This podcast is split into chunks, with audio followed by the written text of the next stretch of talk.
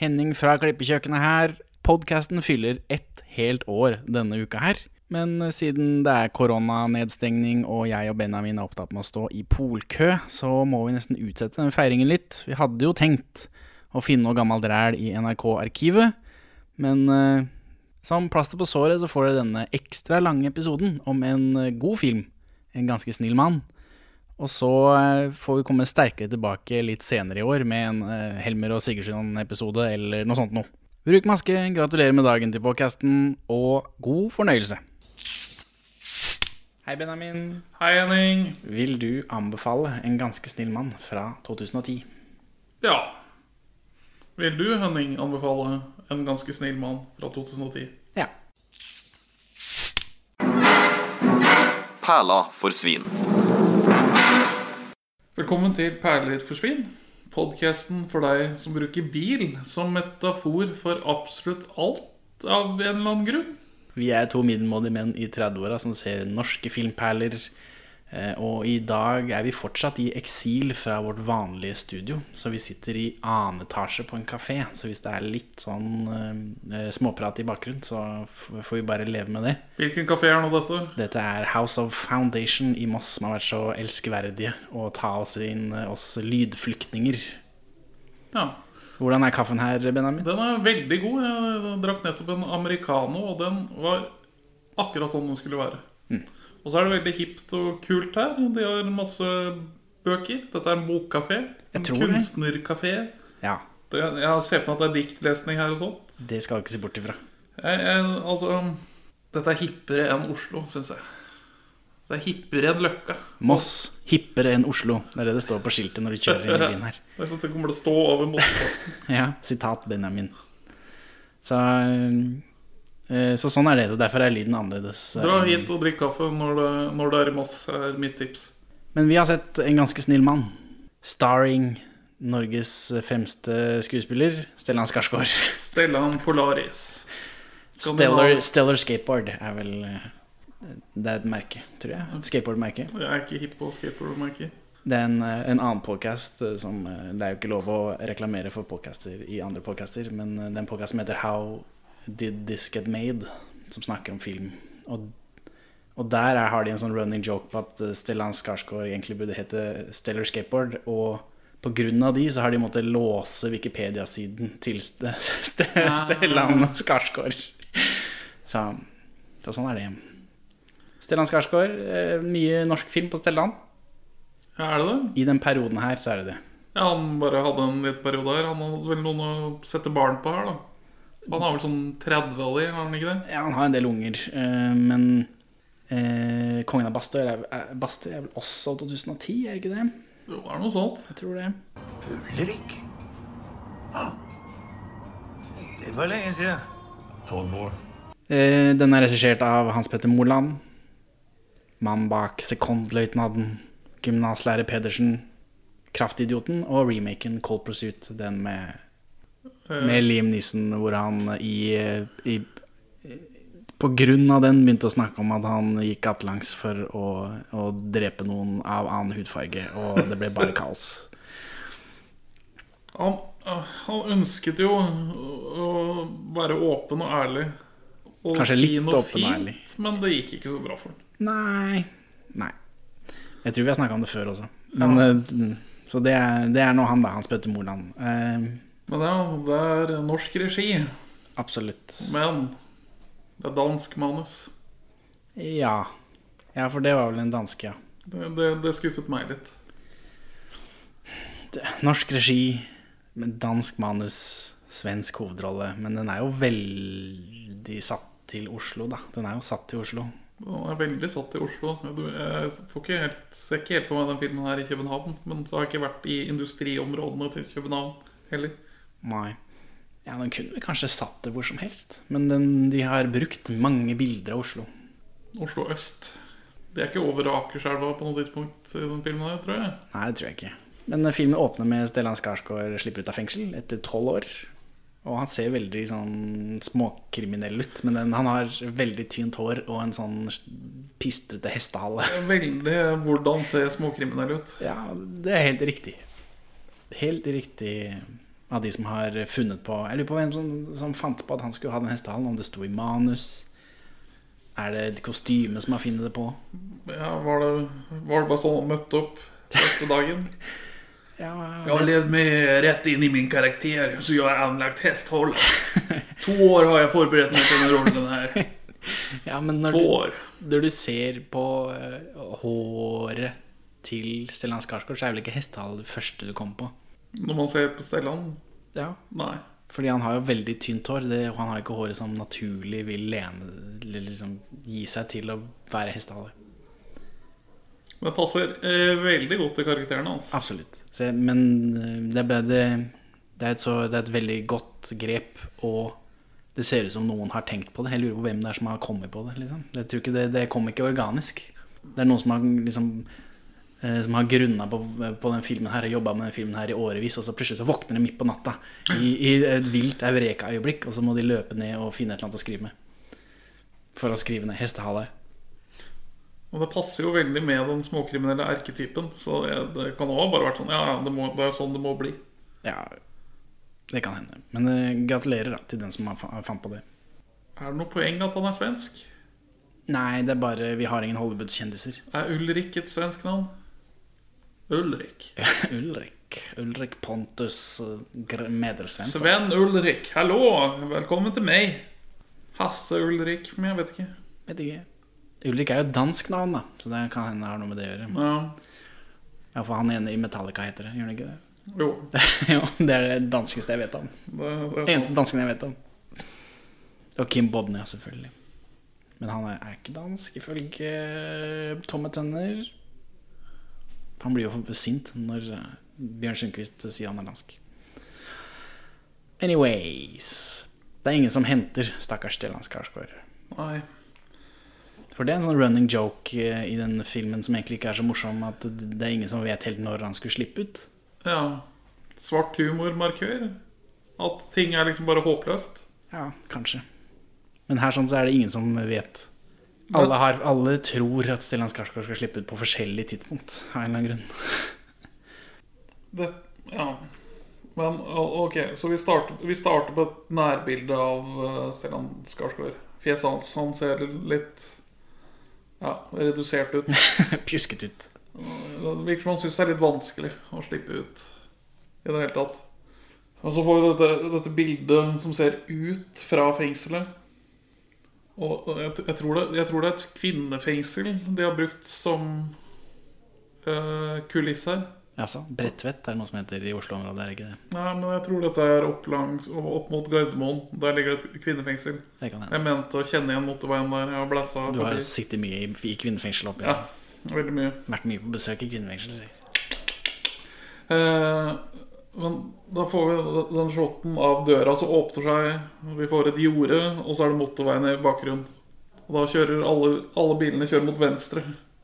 Og det føles Det føles som om man har gjort et eller annet med bilene. Altså At de har bestemt at de skal kjøre den veien. Ja. Altså eller for- Mm. at de er digitale. Ja, at man har vært inne og redigert på et eller annet nivå. De står jo det- det er- For den filmen her kommer til å bruke bil som metafor for det aller meste, av en eller annen grunn. Bil er liksom i, se- i senteret av sentrum. navet til den filmen her. Ja. Hvor- Hvorfor det?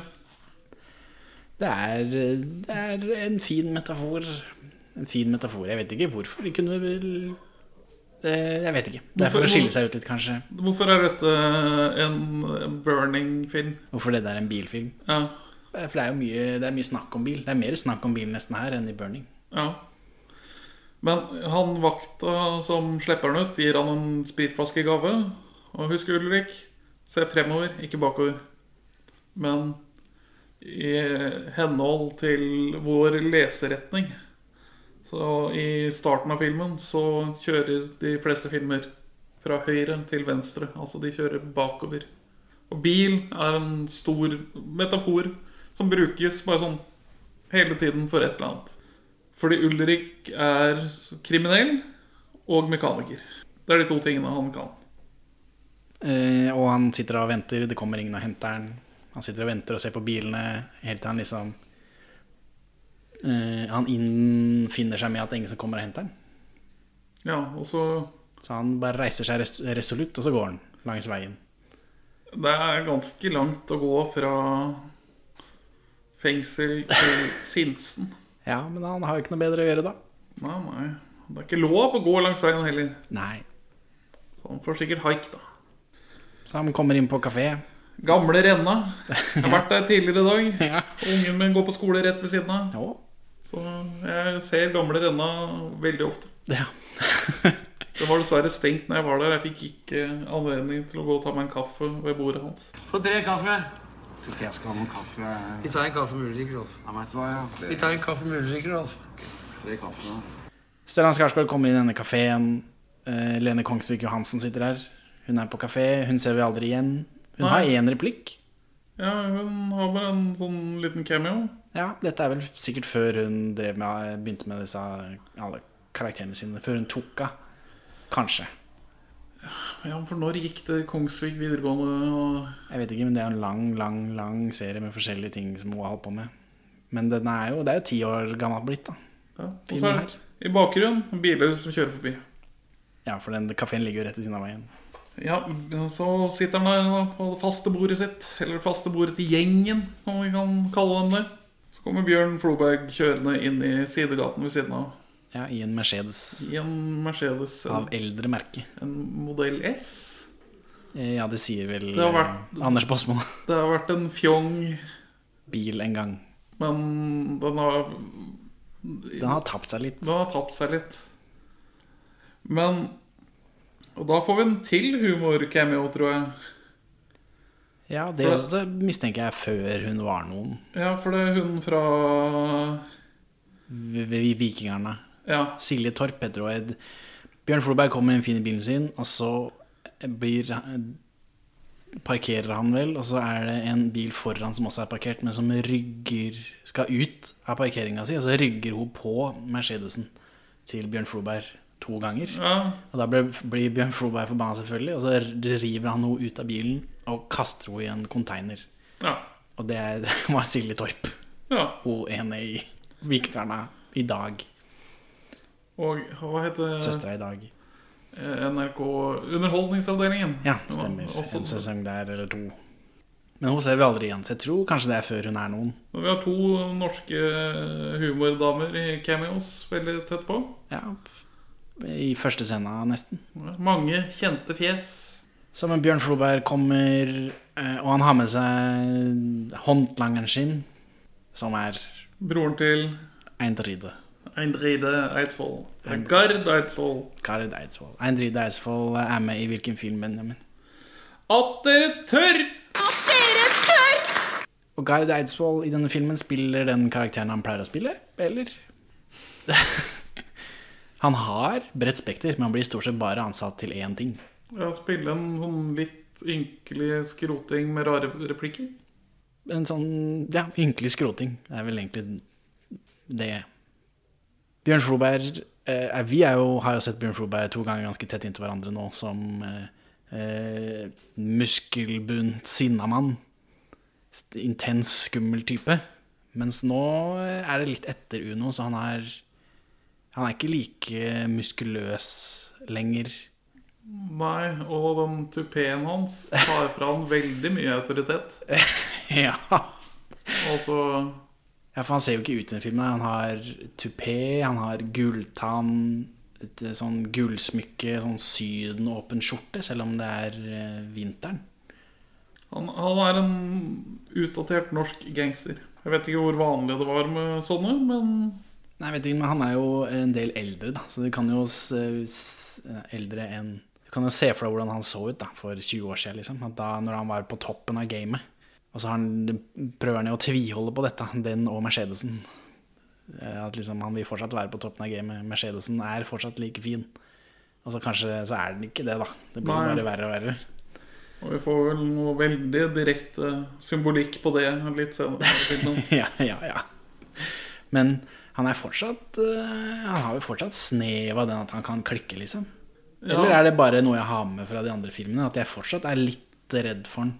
Ja, det tror jeg er fra de andre filmene, fordi Gard Eidsvoll driver og kommer med spydige kommentarer til Floberg.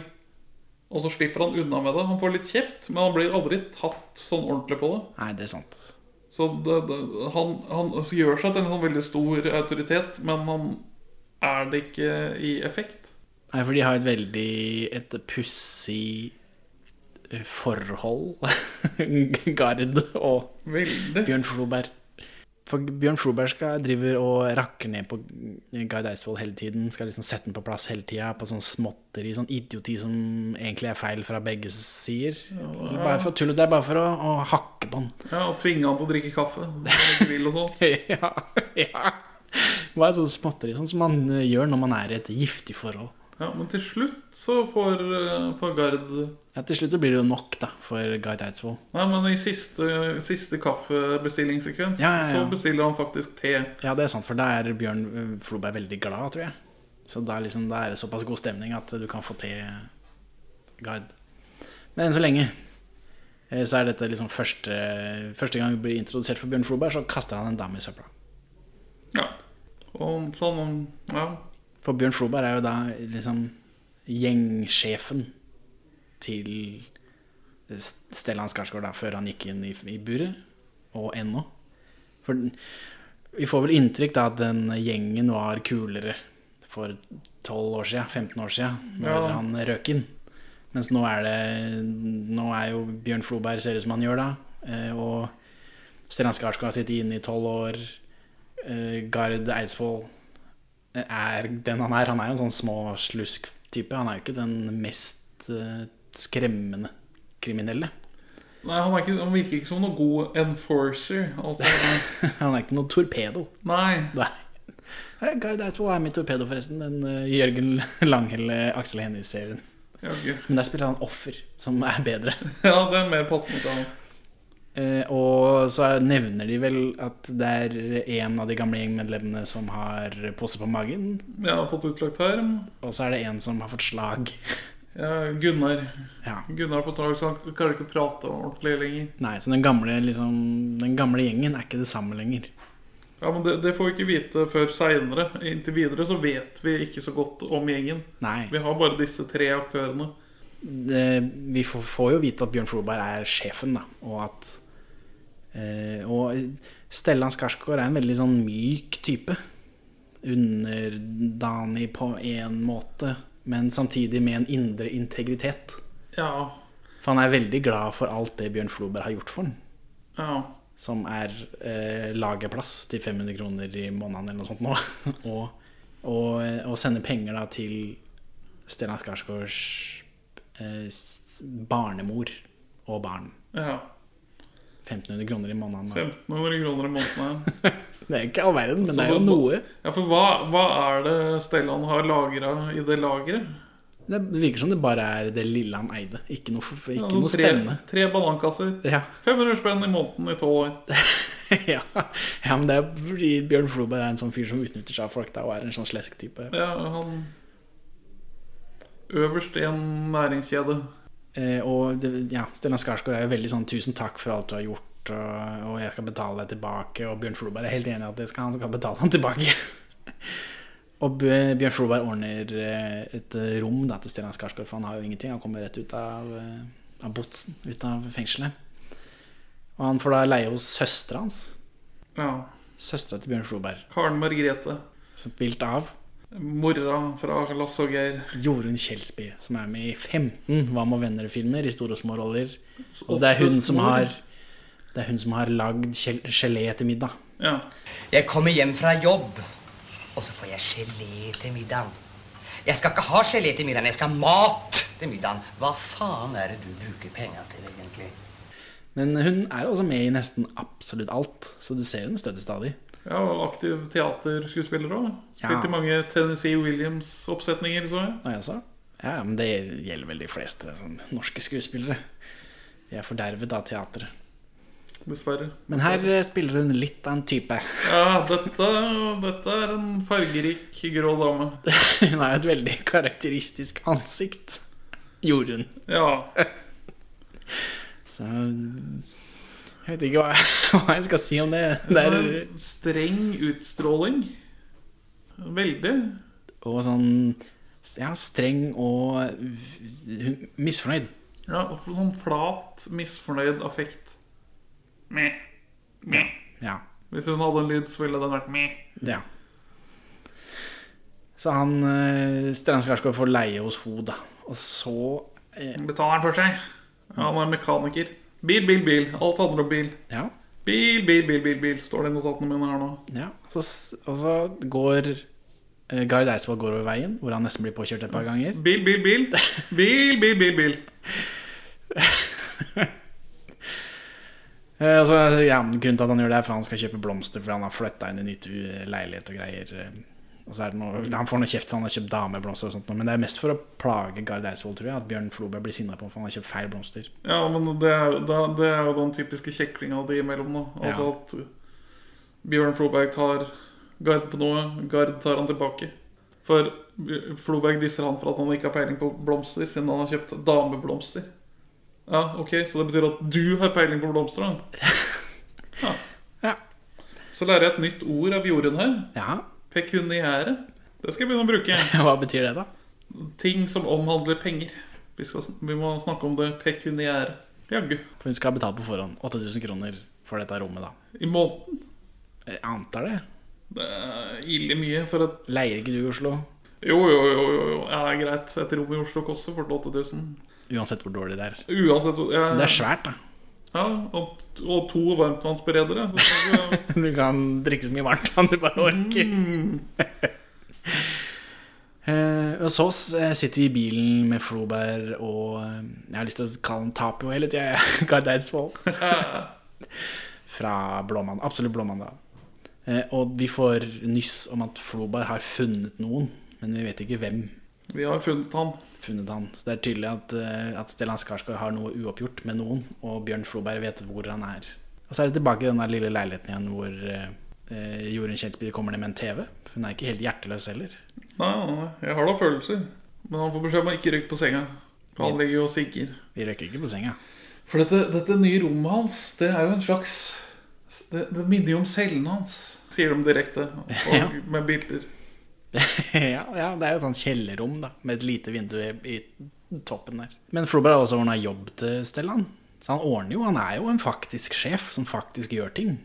Selv om han sl- slesker det til Ja, og han og har er utnyttende. Ja.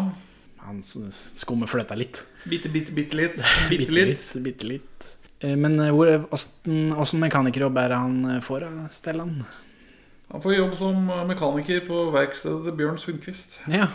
Jaggu. Allstar-lag som er med i denne filmen her. Begge bjørnene. Begge de norske bjørnene. Og Bjørn Sundquist er både, spiller både lavmælt og mundigere.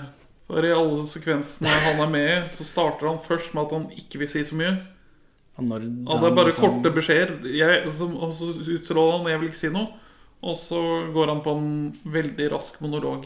Han spiller en rar, gammel gubbe. Det er ikke de, han også pleier jo å være ganske intens. Ofte. Det er iallfall det jeg forbinder han med. Men ikke i denne filmen. Der er han en sånn lavmælt, ja, rar, gammel gubbe. Altså når han først s- sier noe, så er- blir det veldig mye. Veldig fort. Ja, han starter med 'jeg vil ikke høre historien din'. Men ja, han tror du sitter i fengsel. Ja, altså, Det er en- greit. altså en lang sånn tirade om at man betaler eh, sin gjeld til samfunnet, bla, bla, bla. Ny sjanse til å lage en anstendig fremtid, men ikke en sjanse på å- bla, bla, bla, bla, bla. Ja, jeg vet ikke om han er han en sånn liten sånn Yoda-type. Det er- Han er ikke så veldig mentoraktig. Jeg tror han bare er en raring. Ja, jeg tror han bare er en raring. Ja, jeg vet ikke hva du har gjort, og jeg vil ikke vite det.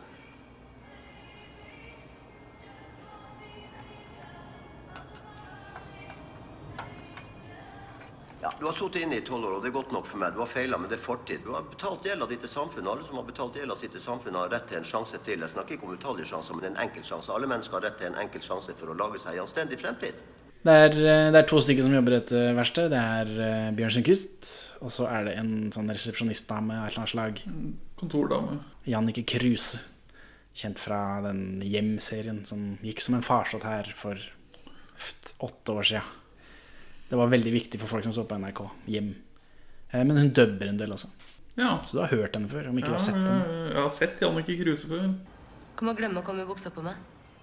Og så skal du mjølke kaffen for å kjøpe den sjøl. Han gjorde som imponerer mer og mer. Det kom fram at Stellan har drept en fyr. Det er derfor han har sittet inne. Ja, det Filmen, filmen er litt sånn øh, sakte presa- øh, Deler ut informasjon sakte og rolig. Ja, men eh, det blir veldig sakte og rolig fordi vi følger Stellan Skarsgård, som ikke sier noe eller gjør noe. Han bare er, eksisterer. Ja. Han er en veldig lavmælt type. Konfliktsky harding. Og eh, det det kommer jo fram senere Det virker som han har vært villere, og så har han jo sittet i fengsel i tolv år, og så har han liksom roa seg, da. For han sier mye sånn liksom Ja, jeg var jo sånn før. Så han, det er tydelig at ikke han er sånn nå lenger. Ja, litt både og, kanskje. ja, det kommer jo fram lite grann, da, men det er ikke sånn, han er jo ikke aggressiv. Han er ikke Han slår ikke først, da. Han leter ikke etter juling, Han, si, ja, etter bråk. han har et par sånne standardfraser. Eller utsagn som er sånn mm. ah, ja, ja. Veldig lavmælt. Ja. Men det er jo egentlig det viktigste som kommer fram her. At vi blir introdusert for Bjørn Sundquist, Jannicke Kruse, og at vi får frem at Stellan har drept en fyr. Det er derfor han satt inne. Og så er det hjem i denne kjellerleiligheten hvor Stellan sliter med TV-en. ja. Eller først får han beskjed av Jannicke Kruse at hun- han kan bare glemme å komme i buksa hennes. Ja, Veldig tydelig frampekk. Veldig rar karakter, det òg, syns jeg. For det er ikke vanlig å si til folk med en gang man treffer dem. Nei, men det kan være lurt i et lite mannsdominert arbeidsmiljø å bare si ifra. Jo, men han er jo såpass rolig. Han har ikke prøvd seg på noe, på en måte. Men han oser jo eh, rå seksualitet, kan man jo bare anta, av hvordan kvinner reagerer på han i denne filmen. Ja, vi kommer vel til det. Vi kommer vel til det. Jeg har noen forklaringer, tror jeg. Jeg har i hvert fall tenkt på det. Jeg så også denne med min samboer, og hun var litt skeptisk til hvordan kvinner fremstilles i denne filmen. At eh, de tar grep om egen seksualitet. Nei, men At alle vil ha sex med Stellan Skarsgård med hestehale? Hvem vil vel ikke det? Ja, nei, det, det kan man spørre seg. Men denne filmen gjør det ikke så bra på Bechdel-testen. Å nei. Nei, her er det vel ikke Det er jo knapt to kvinnfolk å gni sammen, men det er vel ingen av de som snakker med hverandre. Jo, de snakker med hverandre, Ja, det er noe kjefting inne i den bua. men da hører vi ikke hva de snakker om, og vi vet at det er en konflikt om en mann. Ja. Ja, nei, den eh, stryker nok. Men Jeg tror vel en Ja. Ja, for denne Bechdel-testen, da er det, det må være to kvinnelige karakterer som du vet navnet på, og de må snakke sammen om noe annet enn en mann. Ja. Så to navngitte kvinnelige karakterer. Så det, der stryker den. Det var jo dumt, da. Men eh, hjemme i, hos Stellan Skarsgård, hjemme hos Jorunn Kjelsby, så sliter han med TV-en. Ja, Antennehumor. Ja. Antennehumor i 2010. Ja. Var det digitale bakke... Nei, var det udigitale bakkenettet fortsatt oppe og gikk så sent? Jeg mener de stengte det analoge bakkenettet da jeg bodde i Oslo, og det er i 2010. Ja, for du vil ikke ha den samme typen tilkoblingsproblemer med det digitale bakkenettet. Nei, jeg vet ikke, men det er noe humor, da. Jeg tror ikke du skal henge deg opp i akkurat Men- men- men logistikken. Det bare, det, bare, det bare føltes litt ute av tiden. Men humoren går jo på at eh, han får bare inn polsk TV. Ja. Veldig godt bilde, men polsk TV. Det, ja. Men han har jo, kan jo litt polsk. ja, eh, han har jo sittet inne en stund. Nei, det er ikke derfor han kan polsk. ikke? Det er fordi at eh, eh, en av de klassiske kriminelle tingene de gjorde eh, i fortiden, var å stjele flotte biler i Norge, kjøre de til Polen, selge de der, og så smugle sprit og sigaretter tilbake. Så han har sikkert plukka opp litt polsk på veien. På veien. På veien. Alt handler om bil! Bil, bil, bil, bil! bil. Men mens han holder på med det, så kommer Jorunn Kjelsby innom med restemiddag. Torsk. Og da har de et lite sånn øyeblikk, selv om hun er sur og grinte hele veien. Men hun kommer jo innom der, og de sitter og ser på polsk TV. Og liksom Trenger ikke spille smart, bare for at du vet at det er polsk og ikke russisk. ja. ja, hun er veldig grinte. Jeg har laga for mye mat. Enten så spiser jeg det, eller så kaster jeg det. ja. Hun har en litt Ja. En utstråling. Ja, hun har en utstråling. Ja, men også er det noe sånn sexual tension. da Hun spør om denne polske blondina er pen, og så svarer han ja på det. Han sier som regel ja. Og Så da tar hun liksom håret bak øret. Gjør seg litt sånn flott. Og så Og så neste scene. neste scene. Eh, og da får vi se Henrik Mestad, da. Ja, på god avstand. Ja. Jeg så ikke at det var han da. Å nei. Philip Mørk i 'Burning'. Eh, som han har jo da Han er jo Han har tysta på Stellan Skarsgård, får vi vite her. For nå sitter vi i bilen sammen med Bjørn Floberg og, og Guide Eidsvoll igjen. Bil, bil, bil. Ja. Kjører biler forbi i bakgrunnen. Vi er på A- Alnabru. Det er vi. Eh, og vi, ba, vi blir presentert for han som karakter, bare, og at eh, han har tysta, og at Bjørn Floberg og, eg- og her også eh, Her er vel Stellan med på det også, at han Stellan vil liksom ta og gjøre et oppgjør her. Du må gjøre opp regnskapet ditt. Ja, ja for, for, for, for Bjørn Floberg opererer igjen fra et sånt æressystem. Ja, han er, han er opptatt av det. Hva, hva, hva, hva heter gymmen til Floberg i Jarles gym? Ja, han er, jeg bare var sånn Var det Runes gym? Nei, For, Jarle. den- for den, heter, den heter ikke Jarles gym i virkeligheten. Da heter den noe sånn Bjørnars gym eller noe annet. Det kan hende. Ja, æressystem og Bjørn Floberg. Det Det går hånd i hånd. Og så driver eh, For Bjørn Floberg eh, gir vel da beskjed om at, eh, Bjørn- at Stellan Skarsgård må drive og eh, må spane på Ja. Henrik Mestad. de vet ikke hvor han bor. Nei, de vet hvor han jobber, bare. De de vil at han skal henrette han i hans eget hjem. Ja, Ikke på Alnabru. Nei, Jeg vet ikke akkurat eh, og- hvordan Om det var så viktig, men eh, Russisk? Polsk. Trenger ikke å spille smart. Da kan vi snakke litt om foto i filmen. Hva syns du om bildet i filmen? Henning? Eh, Helt ålreit. En og annen sånn spenstig eh, at de prøver seg på noe. Ja, Eh, ja for det, det, det, det er veldig tydelig at man har prøvd å lage en viss sånn En film som det går an å se på. Ja. Men det blir ofte litt sånn platt, og så blir noe av det ganske bra. Sånn som Bjørn Sundquist som står under en bil og plystrer for å få oppmerksomhet. Ja, Han står jo da i Det heter vel en grav. Han Ja. i dette bilmekanikergreiene, så han står under gulvet. Med en bil over seg, så da får du et veldig sånn smalt eh, utsnitt da, hvor du kan liksom se ut på Stellan Skarsgård. Det var Gøy og dynamisk. Ja. Det er helt tilfeldig. Han skal kvitte seg med gammelt kjøleskap, og der svinnes det fyren rundt. vet du. I en Jævla kjeledress. Det var et lykketreff. Det er samme der òg. Tilfeldighet og lyketreff var akkurat det samme der òg. Ikke helt, da. Nei, en tilfeldighet kan jo være dårlig. Et lykketreff er jo ikke dårlig. Nå holder du kjeft. Bra. Vi har fått høre om Henrik Mestad og at, eh, at Stellan Skarsgård må spionere på han for å finne ut hvor han bor og sånt noe. Og så begynner han å lete i en telefonkatalog.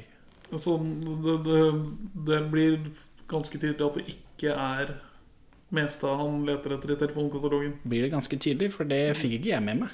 Det var veldig tydelig for meg. Hvorfor det? Fordi øh, de har ikke nok informasjon på han til å finne ut hvor han bor. Jeg vet ikke, jeg tenkte bare at Bjørn Floberg er jo helt tydelig ikke interessert i å gjøre noe sjæl. Så å, å slå opp i den telefonkatalogen at ikke han hadde giddet å, å tatt det så langt. Fordi de vet jo hvor han jobber, de kan jo bare følge etter han hjem. Hvis han, Bjørn Floberg hadde vært virkelig interessert. Men det er jo planen. Men det er jo, Jo, men ja, de kunne gjort det i de tolv åra. Det er en grunn til at ikke han har giddet å gjøre noe mer. Det er fordi han er ikke så engasjert egentlig. Tenkte jeg. Så jeg, nå, da tenkte jeg nå skjer det noe. Men så gjorde det ikke det, da. Fordi hvem er det han letter opp i telefonkatalogen? Har man telefonkataloger i 2010? Ja, det har man. Jeg tror ikke det droppa ut før i sånn 2012-13, kanskje. Hvem er det han letter opp i telefonkatalogen, da? Ja, Det er jo sønnen hans, da. Geir. Geir. Hæ? Geir? Han heter Geir. Sønnen. Ja. Ja, i filmen. Stellan Skarsgård har en sønn som han ikke har sett da på tolv år. Og virker ikke som han så så mye til den før det heller. Nei, det er ikke første Til gang og han har fra. vært bak murene, si. Så han eh, finner ut hvor han bor i telefonkatalogen, og så drar han ikke dit med en gang. Sitter og spaner litt utafor. Ja, Han drar dit ganske med en gang han går. og- Jo, men han sitter og, og glaner, tør ikke helt å gå inn, er en sånn usikker type. Og og så står han og ser på ringeklokken, og når noen kommer ut, så får han nesten hjerteinfarkt. ja, han blir veldig han blir redd. Og da feiger han ut og går og setter seg på en benk. Og da kommer sønnen gående ut. Eller vi vet jo ikke at det er sønnen hans, da, men siden reaksjonsmønsteret hans er veldig annerledes fra når han så tysteren, så blir det jo tydelig at det er noe annet. Og da får det ikke vært så mye annet enn fyret har vært i fengsel. Selvsagt er det kiden hans han er ute etter å møte. Men han, de treffer ikke hverandre. Han snakker ikke med han. Ja, For nå er vi tilbake i verkstedet, og det er tidlig på morgenen tydeligvis. Stellan Skarsgård er inne og jobber før alle andre, og Jon Øigarden kommer innom. En, eh, Jo- Jon Øigarden også er en veldig har, Blir ofte casta i én spesiell rolle. Han er, det er- han er en irriterende type ofte. Ja. Eh, og det er han her også. Veldig. Veldig irriterende. Så han driver og roter rundt innpå det verste der sånn uten mål og mening. Og Det bare- sprayer trykkluft ut i lufta, står og gøgger ned i graven og ja, ja, hva, hva, Hæ? jeg vet ikke. Dette er ikke film, det er kunstnerisk. Ja, det er, du ser, skjønner jo med en gang hva dette er for en type, da, at han ikke er så hyggelig. Det er Ja. kanskje det viktigste. For det viser seg at han er den fæle typen til Jannicke Kruse. Eksmann Ja. med besøksforbud. Med besøksforbud. Men det er altså som de da bruker veldig lang tid på å fortelle. Fordi nå er, eh, for det er bare Stellan der, og han sier hei, hei, hei, hva er dette for noe? Og så de- presenterer Jon Øigarden seg som mannen til Merete, da, Jannicke Kruse. Og At eh, du får hilse og si at jeg kommer tilbake, eller hva det er for noe. En annen dag. Ja, og så tror ikke Stellan skjønner jo ikke at dette er eh, ugler i mosen. Så han, eh, så han hilser jo da, fordi det er det man gjør når man får beskjed om å gjøre det. Og da blir det veldig dårlig stemning på det verste. Det blir veldig kleint. Hun begynner å grine. Og... ja, og det Bjørn Sundquist eh, farer opp sånne lille rare mannen. han- Bjørn Sundquist er veldig liten i denne filmen her. Ja, veldig. Jeg visste ikke at han var så liten. Jeg vet ikke at Stellan Skarsgård var så høy. Jeg vet ikke, han ble veldig liten. Jeg har sett for meg han som en ganske røslig type. Men Og så prøver han til slutt å trøste henne, og da får vi den klassiske norske filmlinjen 'Ikke rør meg'. Ikke rør meg. Men så er det, blir det mye bråk og greier fordi Sundquist har noen hjerteproblemer, så han er detter om. Eh, Riktignok i live. Ja. Og han bare ligger og rister. eh, Og, Litt sånn uproblematisk. ja, ja det, er, det er ikke første gang, tydeligvis, da, fordi Jannicke Kruse reagerer ikke noe særlig på det. Hun bare ja, ja, jeg skal gå, du må ha pillene dine her, sånn. Og så trykker hun en pille inn i kjeften på ham, og så går hun og ringer på sykebilen, og så Og så driver han Bjørn Sundquist og holder en monolog om eh, biler. Ja, ja bil, bil, bil. Ja, hva, hva... Folk må ha biler. Det er verden, Verden som går rull- ikke rundt. Ja, det er verden som ruller forbi der ute. Som, eh, sommerdekk, vinterdekk, verden skal fremover, sånn jeg ser det. Bi- Folk klarer seg ikke uten bilen. De skal ha den til å dra til barnehagen, de skal ha den til å dra til butikken, de skal på skolen, de skal til jobb. Bil, bil, bil, bil, bil, bil, bil, bil, bil, bil. Ja. Eh, ja. Hardt klipp til sykebilen som kjører av sted. Hva, han er på sykehuset igjen. Det Eh, verste er målet åpent. Ok. Jeg stoler på deg, Ulrik. Jeg kjenner deg ikke, men jeg stoler på deg. Folk stoler på oss. De stoler på at vi reparerer bilene deres. Men herregud, de klarer seg jo ikke uten biler. De skal handle, de skal hente bar, de skal på hageseter i helgen, de skal på jobb på hverdagen. Bilene må rulle. Vi kan ikke stenge verste på grunn av litt hjerteflimmer. Det er verden som ruller forbi der ute. Ulrik. Sommerdekk. Vinterdekk. Verden skal fremover. Tross ned på det. Eh, Men synge, mm, Bjørn Sundquist får Stellan Skarsgård til å love at han holder verkstedet oppe, fordi bil er veldig viktig for folk. Ver- Vi er, verden går verden ikke går rundt rundt kun på biler. Bil, bil, bil. Hvorfor er bil så viktig? Det regner jeg med du har en teori om. Nei. Ikke? Nei. Ja, altså Nei, Men vi Bil- får det jo forklart her. Ja. Er ikke dette litt sånn teseaktig? Ja, ja for det, dette er den mest rett ut filmen sier det, men jeg skjønner fortsatt ikke helt hvorfor. Nei, for det er jo frihet, da. Biler representerer frihet, i hvert fall for meg. Jeg mer- jeg husker go veldig godt da jeg fikk mopedlappen og bare kunne dra steder. Og, og i- med bil så blir det enda enklere. Ja, Du kan dra når det regner også. ja, for han kommer ut av fengsel og har ikke bil. Nei, det er også en del av dette at han har ikke bil. Han må stadig låne Bjørn Floberg sin. Han, på et tidspunkt så tar han også en bil som står på verksted, som egentlig skal repareres. Så eh, bil er målet om å oppnå en frihet som han ikke har fått bare ved å komme ut av fengsel.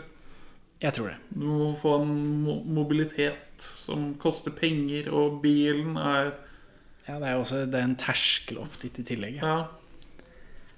Så derfor bil, bil, bil. En ganske snill bil. Kan hende. Dette er, dette er jo en eh, En ganske bil mann. Dette Dette er en film som den norske filmskoler kommer til å studere i, i tiår fremover. Ja, jeg har noen andre nå. Symbolikken her. Men nå, er- nå Benjamin, kommer noe av det. De ærligste sexscenene på denne siden av MacGruber. Til Hittils i filmen så har jeg, har, jeg- har jeg, vært, jeg har vært med, men jeg har ikke vært solgt ennå på filmen. Nei. Mitt tja blir til et ja i denne scenen. Ja, for nå er vi inne i denne kjeller, det kjellerrommet. Eh, Og Stellan Skarsgård sitter og spiser eh, Han har jo fått eh, restemat igjen, da. De ser på polsk TV. Han og Jannicke Jannicke, sier jeg. Han og Jorunn Kjelsby. Karen Mar Margrethe. Karen Margrethe sitter og ser på TV, og så Og en av frasene til eh, Stellan her Det var godt, takk for maten. Så skrur hun av TV-en, og så rusler hun av gårde. Og så viser hun, drar hun opp kjolen sin og viser liksom låret litt over de hold-in-strømpene hun har på seg. Eller hva det nå er. Det er, eller, det er sånne, det er sånne eh, Åreknutet strømper. åreknutete strømper. Ja, ja. ja men hun eh, viser fram låret. Men det er jo først Det det er for å ta av seg trusa. Ja, vi gjør jo det etter hvert. Og, og Stellan Skarsgård eh, ser litt sånn Ja, jeg vet ikke. Sk s- nervøs og skeptisk ut. Ja. Ja, ja. Så drar hun seg trusa og legger den på gulvet, og så legger hun seg ned i senga bak han. Ja. Hvor han sitter og har sett på TV og spist. Ja, kom igjen, da, hvis du maser så fælt. Kom da, om du har så lyst. Og han reiser seg opp og ser veldig sånn beseiret ut. Ja, eller ja, jeg får stille opp, da, tenker han. Skal du ha skriftlig invitasjon, eller? Så han venter på samtykke, da. Ja, og så legger han seg kleint oppå henne. ja. Og så rir hun han nedenfra. Det er derfor jeg har en podkast, Benjamin. Det er for å høre deg beskrive sexscener. Ja, For han gjør ikke så mye. Nei. Hun kler av han buksa, eller åpner buksa hans. Og han må ha en veldig snappy eh, Ja, den- ereksjon. Hvis ikke den har stått hele veien, og det er det hun har plukka opp. Ja, det kan det mm, Ja. Han har, jo, han har jo vært berøvet en kvinnes kontakt veldig lenge, så kan han Men han har jo to hender, da. Ja, det er ikke en kvinnes nærhet. Nei, nei, nei. Men for her er det kvinnelig nærhet. Ja, og øh, øh, hun, ja, hun har jo Hun har jo sex litt som en mann. Hun er veldig høylytt og religiøs. Ja, jeg jeg velger å ikke lese av det her, for dette må vi ta et klipp av. Hennes innlevelse kan jeg dessverre ikke etterape her øh, på kafeen jeg sitter. Yeah. Ah, ah, ah, ah, ah, ah, ah, ja! Herre i himmelen! Ah, ah, ah, kjære, kjære Gud og skaper! Å, Herre! Å, min Gud er i himmelen! Å, Jesus Kristus! Ah, ah, ah, ah. Ja, eh, og det går ganske Det går fort, eh, og det virker som hun er fornøyd. Han Hun- sier jo ikke noe særlig. Så han Nei. er vel fornøyd kanskje, han òg, da. Hun, hun, hun kommer ganske fort. Ja, så hun har vel ikke blitt eh, rørt noe særlig hun heller. Det viser seg senere at eh, hun og Bjørn Sundquist har vært gift. Ja. Uten at det har så veldig mye å si, annet enn at hun vet hvor han jobber. Ja, og at det blir li- litt kleint, men ikke sånn ja, så Stellan reiser opp, kler seg på, han, står og, han ser litt brukt ut. Ja, fordi Hans samtykke er litt sånn uklart her. Ja. For han er jo i en Han er jo på hennes nåde. Han har et sted å bo, liksom. Ja, ja det er det, da. Han, har et, han manøvrerer i et minefelt. For jeg så jo denne filmen sammen med min kone. Ja. Og hun reager- eh, reagerte også på at Stellan Skarsgård er så populær blant kvinnene. Men at Stellan kan eh, få liksom nedlegget eh, Jorunn Kjelsby er det, virkelig, er det å strekke strikken så langt, altså? Er det så rart? Nei, nei, nei. Nei. Nei. Så det er én i boks. Så den eh, føler jeg den er innafor. At eh, ja, to ensomme mennesker som bor i samme hus, og som har liksom i gåsetegn funnet tonen hvor de spiser restemat eh, og ser på Pols-TV sammen. At det blir noe ligging der, det, det syns jeg ikke er problematisk. Ja, jeg, jeg er nok litt sånn ageist, tror jeg. Altså, er du over 50, så tenker ikke jeg over at du har et sexliv. Å nei. Nei, nei. Klipp til verkstedet. Vi får eh, Du skylder meg 216 000 for lageret og ungen. Ja, for- Nei, 215 000 for lageret og ungen. Ja, cirka sier han, altså sier retter Stella Eller Bjørn Floberg eh, Det blir bare påpekt at de pengene som Bjørn Floberg har betalt, må Stellan Skarsgård betale tilbake. Det virker litt sånn rart. Ja, det er jo et lån, da. Men eh, enn så lenge så er jeg liksom eh, egentlig imponert over at Bjørn Floberg i det hele tatt har betalt. Men så viser det seg senere at det er ikke han som betaler, så da Men enn så lenge Men, men det virker som det eh, Altså, det virker jo som om Stellan Skarsgård har gått i spjeldet for noe han gjør for gjengen. Altså for Det virker jo som det her, men det viser seg senere at det er jo ikke det. Jo, jo. Han skyter jo en fyr I som- henhold til Flobergs æreskodeks så må han gjøre det for gjengens ære. Hvis en av mine menn ser svak ut, så ser jeg svak ut. Ja, ja det er sant. Så det er pga. æreskodeksen til Bjørn Floberg at han virkelig må gjøre det. Den, eh, sk- dette- For han skyter jo en fyr som har ligget med kona hans. Ja. Som står i med kona hans. Det får vi vite veldig seint. Veldig sent, ja. Men Det har jo ikke noe å si. Vi kunne egentlig vite det før, men jeg vet Men ikke. filmen er sparsom på informasjon. Veldig sparsom. Fordi det går sakte.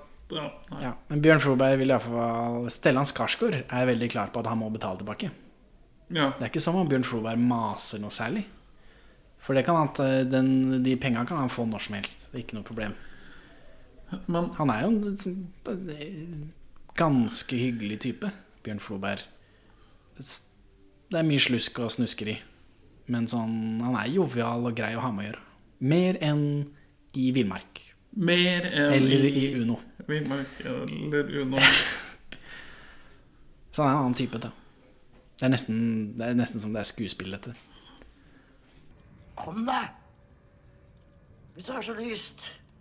Men ja, bil er tilbake som metafor. Men ja, hvorfor har du ikke gjort opp regnskapet ditt og knerta tysteren? Ja, jeg har ikke bil, så jeg får ikke spana. Og da får han låne bilen til Floberg. Vær forsiktig når du skal ta den fra P til D. Ja, motvill- Motvillig så får eh, Stellan Skarsgård eh, låne Bjørn Floberg sin bil. Bjørn Floberg er veldig bekymra. Han legger håndkle på setet. Som er, du ser setet er slitt. Og det er masse Han ramser opp en haug med ting du må være forsiktig med, fordi den er detter fra hverandre, denne bilen hans. Men vi, men vi får jo senere se i bagasjerommet til bilen hans, og da har han alt han trenger til bilpleie. Ja, rengjøring. Så han er veldig opptatt av bilen som symbol for sin egen storhet. Ja, eller Den har vel sikkert han kjøpt når han var på toppen da, av Oslos underverden, på en måte. Det var en krembil en gang, men nå er det en gammel Mercedes. Ja. Så det er jo en god metafor. Bilene i bakgrunnen kjører fra høyre til venstre. Fortsatt. De- Dette, dette, er, dette er bakover, ikke fremover. Men han, han bruker bilen til å spane på sønnen istedenfor målet sitt. Mm. Han har jo et hjerte, ikke så mye ære. Det er det. Og så drar han innom en grill hvor Kjersti Holmen jobber. Ja, Og vi får en eh, mer produktplassering. Husker du mer? Som var en sånn Ja, saft- saften, ja. ja. Det er en sånn reklame for det baki der, ja. En kjempestor reklame. Jo, men det er jo i en grill. Ja, Hvor mange griller hadde sånne reklame når du besøkte griller rundt 2009-2010? Hæ? Hæ? Hvor mange filmer er det mer saft-sponsa? Hvor mange filmer om eldre sex og drap? Er det? Mer er ikke et eget AS, det er et Coca-Cola-produkt. Ja, ja. Dette er produktplassering, så det renner Han av. får en Coca-Cola etterpå, i hvert fall. Men ja, hvorfor er han på Hvorfor er han på en grill? Jo, for han vil vel prate med Kjersti Holmen, da. Og det, for det er hun som er mor til denne sønnen. Er det spørsmål fra sidelinjen? Ja. Er det, er det lov å objektifisere Kjersti Hol Holmen? Kjersti Holmen? Kjersti Holmen eh, Og sånn, da tenkte du, hadde du noe, Er det noe ønske fra deg, eller tenker du i forhold til filmen? Nei, Sitter du her og gjerne vil opti- objektivisere henne? Ja, jeg, jeg, jeg, jeg har aldri tenkt over Kjersti Holmen som flott. Men her syns jeg faktisk hun var litt flott.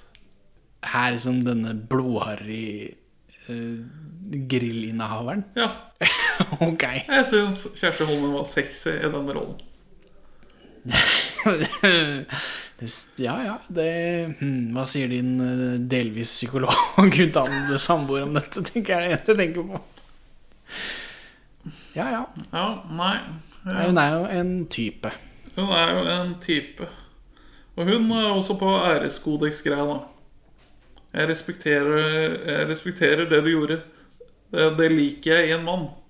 Men du ødela også livet vårt i samme slengen, og det kan jeg aldri tilgi deg for. ja. Men og enn så lenge så vet ikke vi at, eh, at eh, han At Stellan Skarsgård har drept en fyr som lå med henne. For jeg antar det er henne. Ja, det må jo være det. Så hun er overraskende kul på det, da. Ja, Og så begynner hun med en gang han kommer inn, og bare lager mat til han. Han har Ja. ikke bedt om det, men her, her skal det bli mat. Hva er prisen for mat, Henning? Eh, at Du må jo ligge da med Kjersti Holmen. Ja. Mm, Og, og dette er jo igjen at Stellan Skarsgård får ligge med sin barnemor, selv om det er lenge siden sist. Det er greit. Men hun sier det også, at eh, ja, ja, du får komme her da og så ta meg bakfra, eller hva faen. For- Fordi vi var så innmari glad i hverandre en gang. Ja, jeg gir deg en rask en.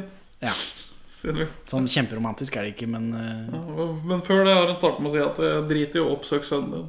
ja. Jeg har Det er instruert han til å vurdere deg som død. Han har ikke snakka om deg på, si- siden du røk inn. Det er ikke noe problem. Han ser på deg som død, jeg ser på deg som død. Alle er egentlig fornøyd med det. La sønnen din være i fred. Det går jo ganske bra med sønnen. Han har kjæreste, leilighet. Han er voksen nå. Det- Stellan Skarsgård blir så glad når han hører at det går bra med sønnen sin. Ja, Svakstrømsingeniør skal han bli. Ja, jeg får helt vondt i hjertet. Ja, altså det, det, Den relasjonen der, det er sjelen til filmen. Ja. At Stellan bryr seg ekte om sitt sønn. Jeg gir deg en rask en, jeg. Ja. Siden vi har vært så forferdelig glad i hverandre en gang. Så igjen, Kjersti Holmen ligger med Stellan Skarsgård. Doggy på bakrommet på grillen. Ja, jeg syns ikke det er rart. Hæ? Jeg syns ikke det er rart. For de har en relasjon fra før av som de oppildner. Den, den, den blir ikke ildnet. Det blir bare sånn Hei, skal vi ha kald sex på Jo, men, bakrommet? men Kjersti Holmen har jo syntes det har vært gøy før. Og nå er han der igjen. Hun vil ha gøy nå. Ja, og maseball, han får ikke lov til å spise ferdig, som også er en greie. så faen. han har munnen full av mat mens han eh, Tar jo bakfra. hamrer henne i doggy. Og så er det et bilde av kiden hans på veggen foran. eh, Over vasken som hun driver og skrur av og på mens hun Ja, for hun eh, vet ikke hvor hun skal gjøre av seg, tydeligvis. Da. Og- Hvor hun skal ha henda. og, nå- og hvor lenge er det hun har kjent den her tegn fra en mann? For hun kommer også veldig fort uten noe klitorisstimulering. Nei, men det kommer jo litt an på kvinnfolket, og sikkert an Det er nok noe med penisen til Stellan Skarsgård, tror jeg. Den, den er det krok på. Så det, den treffer akkurat riktig. Vi får jo se den senere òg. Det er sant. Det blir litt pikk i montor.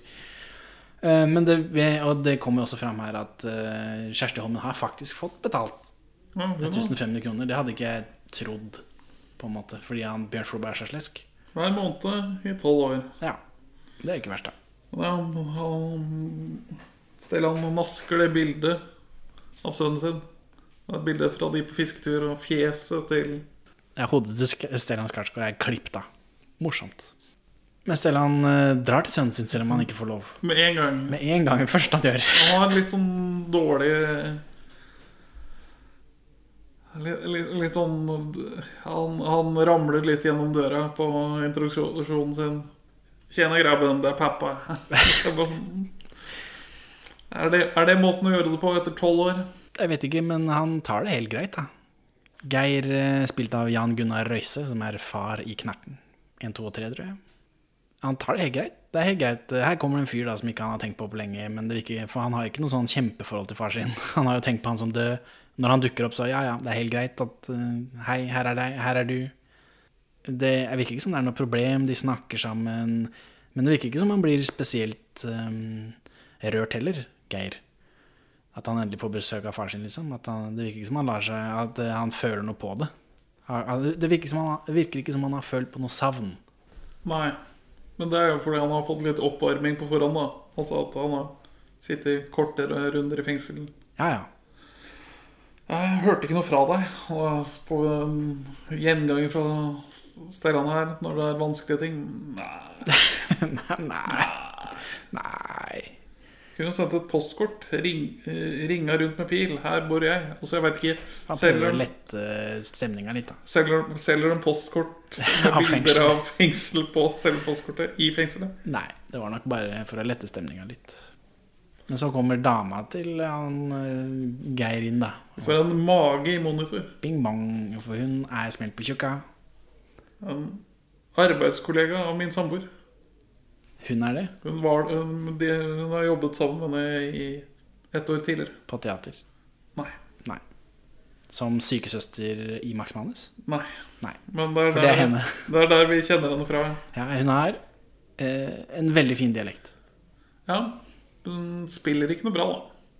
Jeg syns det var helt ålreit. Veldig Jeg la ikke merke til at det var noe dårligere enn noe annet. Veldig norsk skuespiller som har ø, gjort mest teater og minst film. Jeg vet ikke, det eneste hun, hun, Mesteparten hun gjør, er jo å skrike. Ja. I hvert fall etter denne scenen så er det bare skriking. Ja, Og det syns jeg var helt greit. Til de bakerst i salen.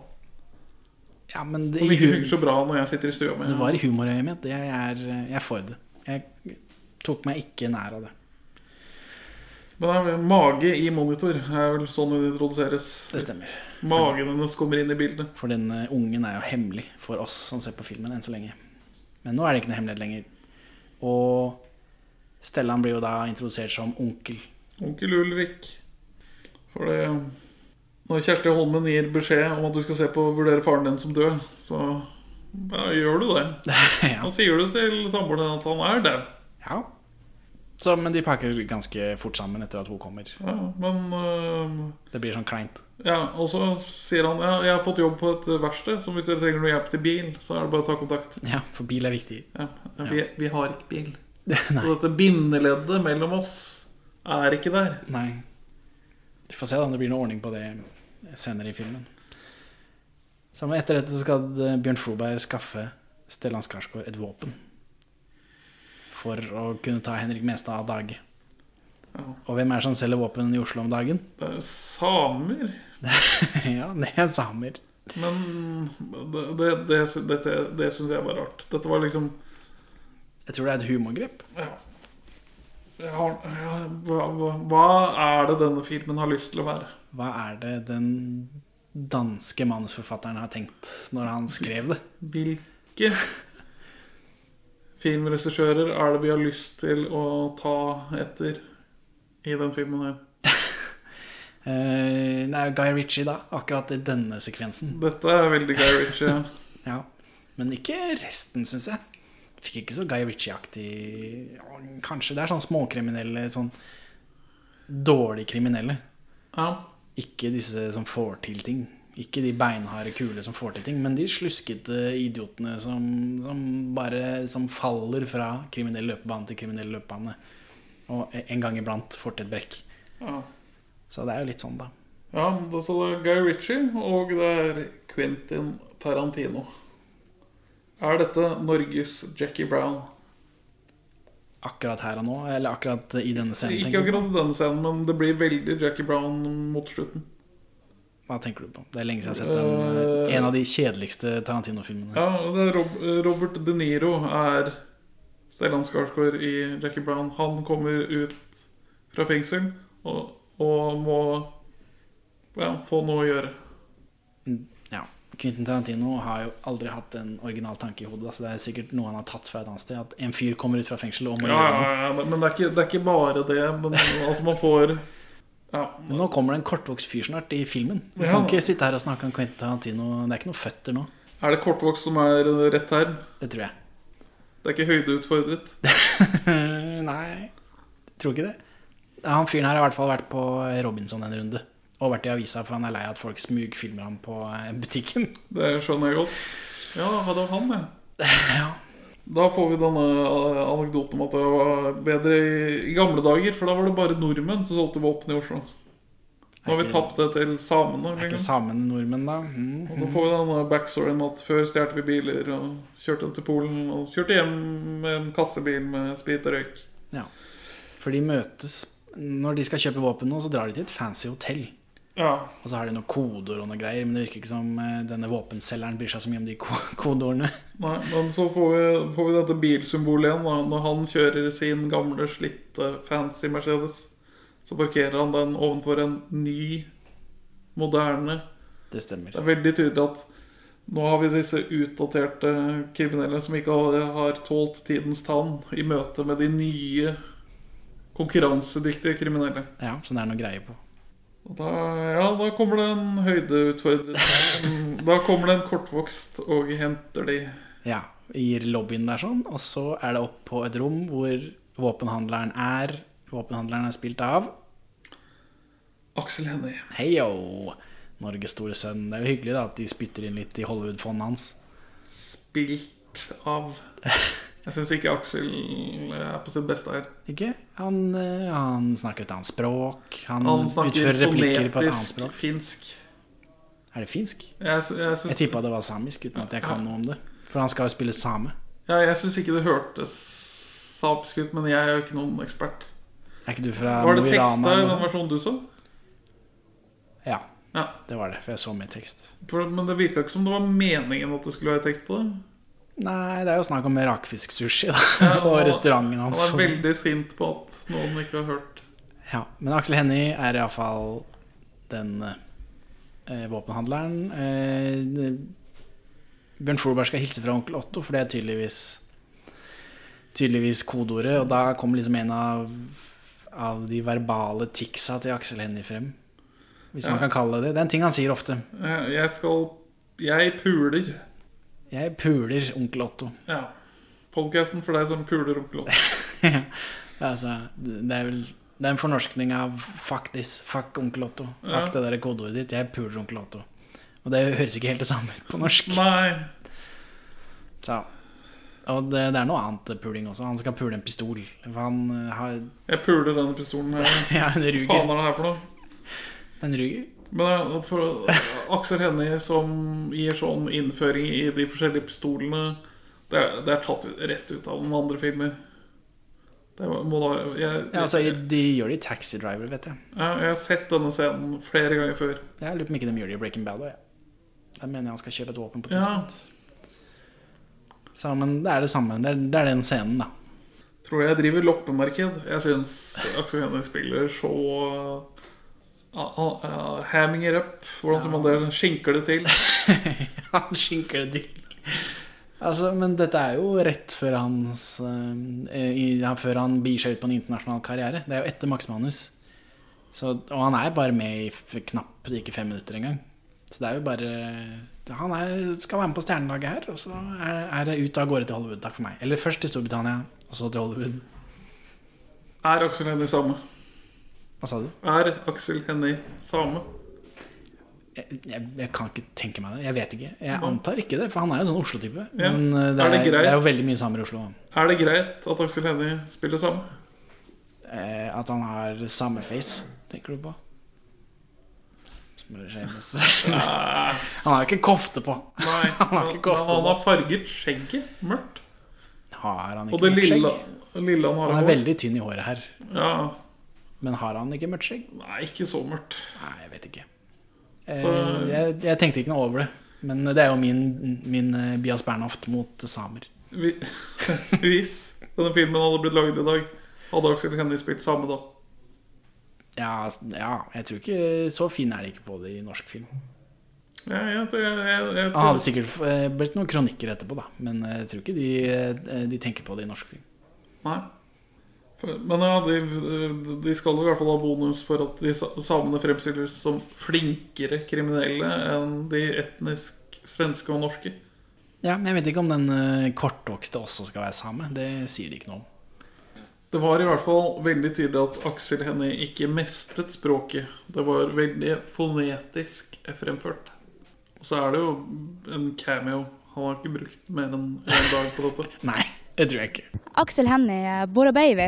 Hva sa du nå? Skal ikke den eh, karakteren ha en samisk eh, bakgrunn i eh, regnskap? En ganske snill mann. Jo, eh, og jeg skal lære meg samisk, eh, en samisk eh, replikk. Jeg gleder meg veldig til det. Så jeg har fått skrevet replikken på norsk. Så skal jeg levere den til en samisk jente som heter Iljamaga. Og så skal jeg få det på teip, og så skal jeg lære meg det.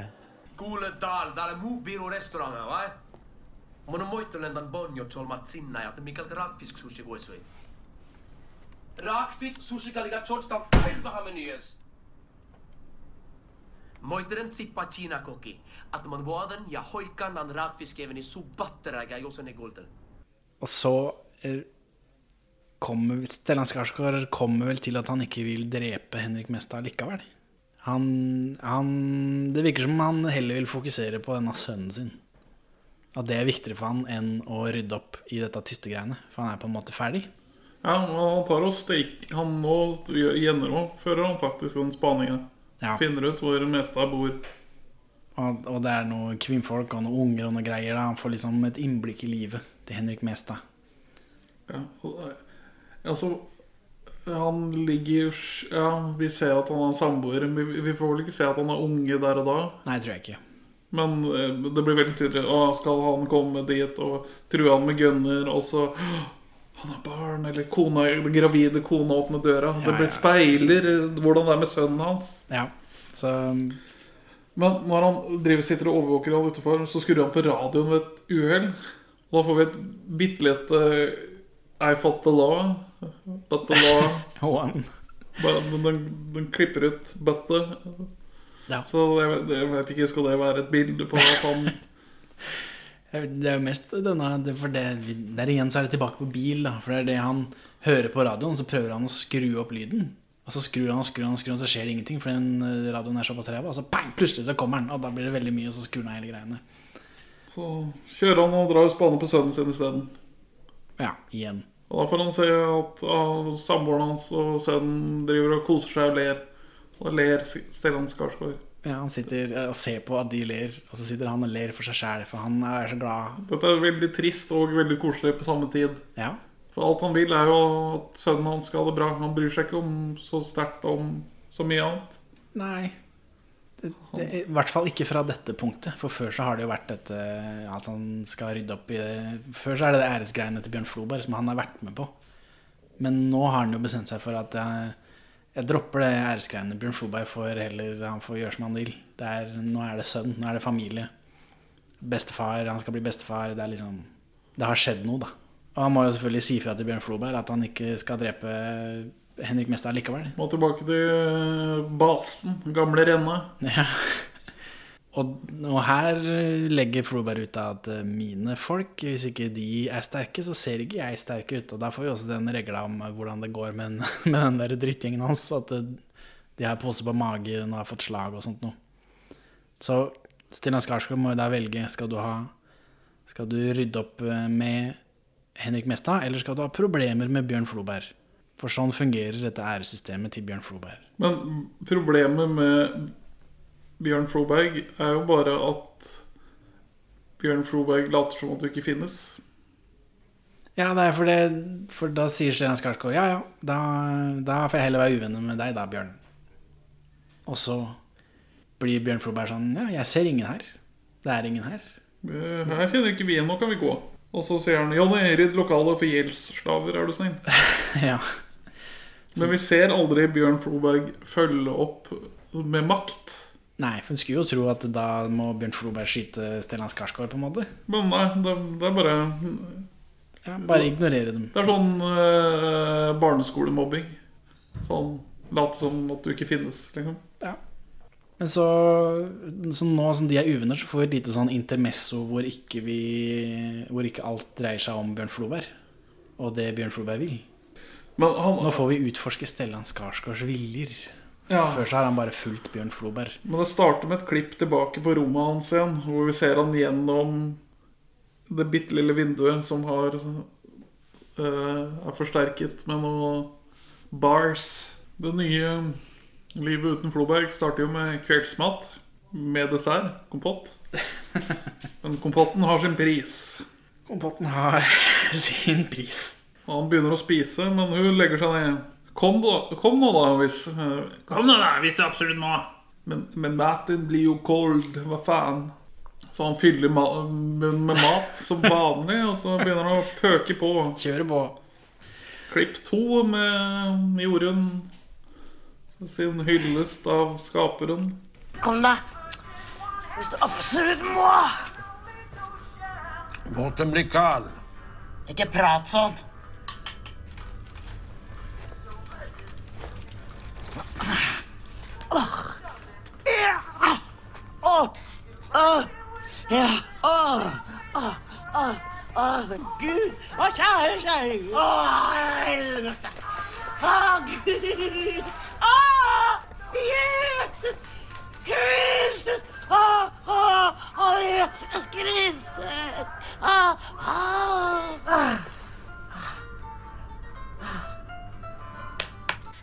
Så er hun ferdig, og da den klassiske tapperen på ryggen. Sånn. Da, da er det over. Ja. Så, sånn skal det gjøres, Ulrik. Og da spør han Var det, var det, var det kompott, kompott også? Hallo? ja, for han vil jo gjerne ha litt dessert. Da han har jobba så hardt. Men så kommer han eh, på jobb. Og da er eh, Jon Øgarden er i full gang med å knuse trynet til Jannicke Kruse. Ja, hva er det du er så redd for? Og så begynner han å Knuse trynet hennes. Ja. Det er rett og slett. Hvorfor er du så redd, din feite ku? Ja, han er stygg i munnen også, da, men det er kanskje verre det at han slår henne i ansiktet flere ganger. Gjentatte ganger. Med knytta neve. Men ja, eh, det, den stusslige utstrålingen til Stellan Skarsgård har vel gitt Jon Øigarden en eh, feilvurdering av den nye ko- kollegaen til Merete. ja, det kan hende. I det mildt! Så han røsker han ut av det kontoret hvor han denger ekskona si. Så blir han meget, meget kontant headbutta av Stellan Skarsgård. Ja, rett i nesa. Rett i nesa. 100 korrekt gjennomført. Og så, så knekker han begge armene hans. Ja, han drar- Veldig sånn laktonsk og rolig. Det er ikke som Han tar liksom ikke i. Det virker som han bare Det virker som, eh, som eh, Jon Øigarden er lagd av kjeks. Ja. Så får vi en eh, veldig ubehagelig produktplassering i denne sekvensen. For han går liksom ut bak lageret der. Ja. Og i, midt i det flotte eh, utsnittet som de har lagd der, så står det en Norcargo lastebilhenger.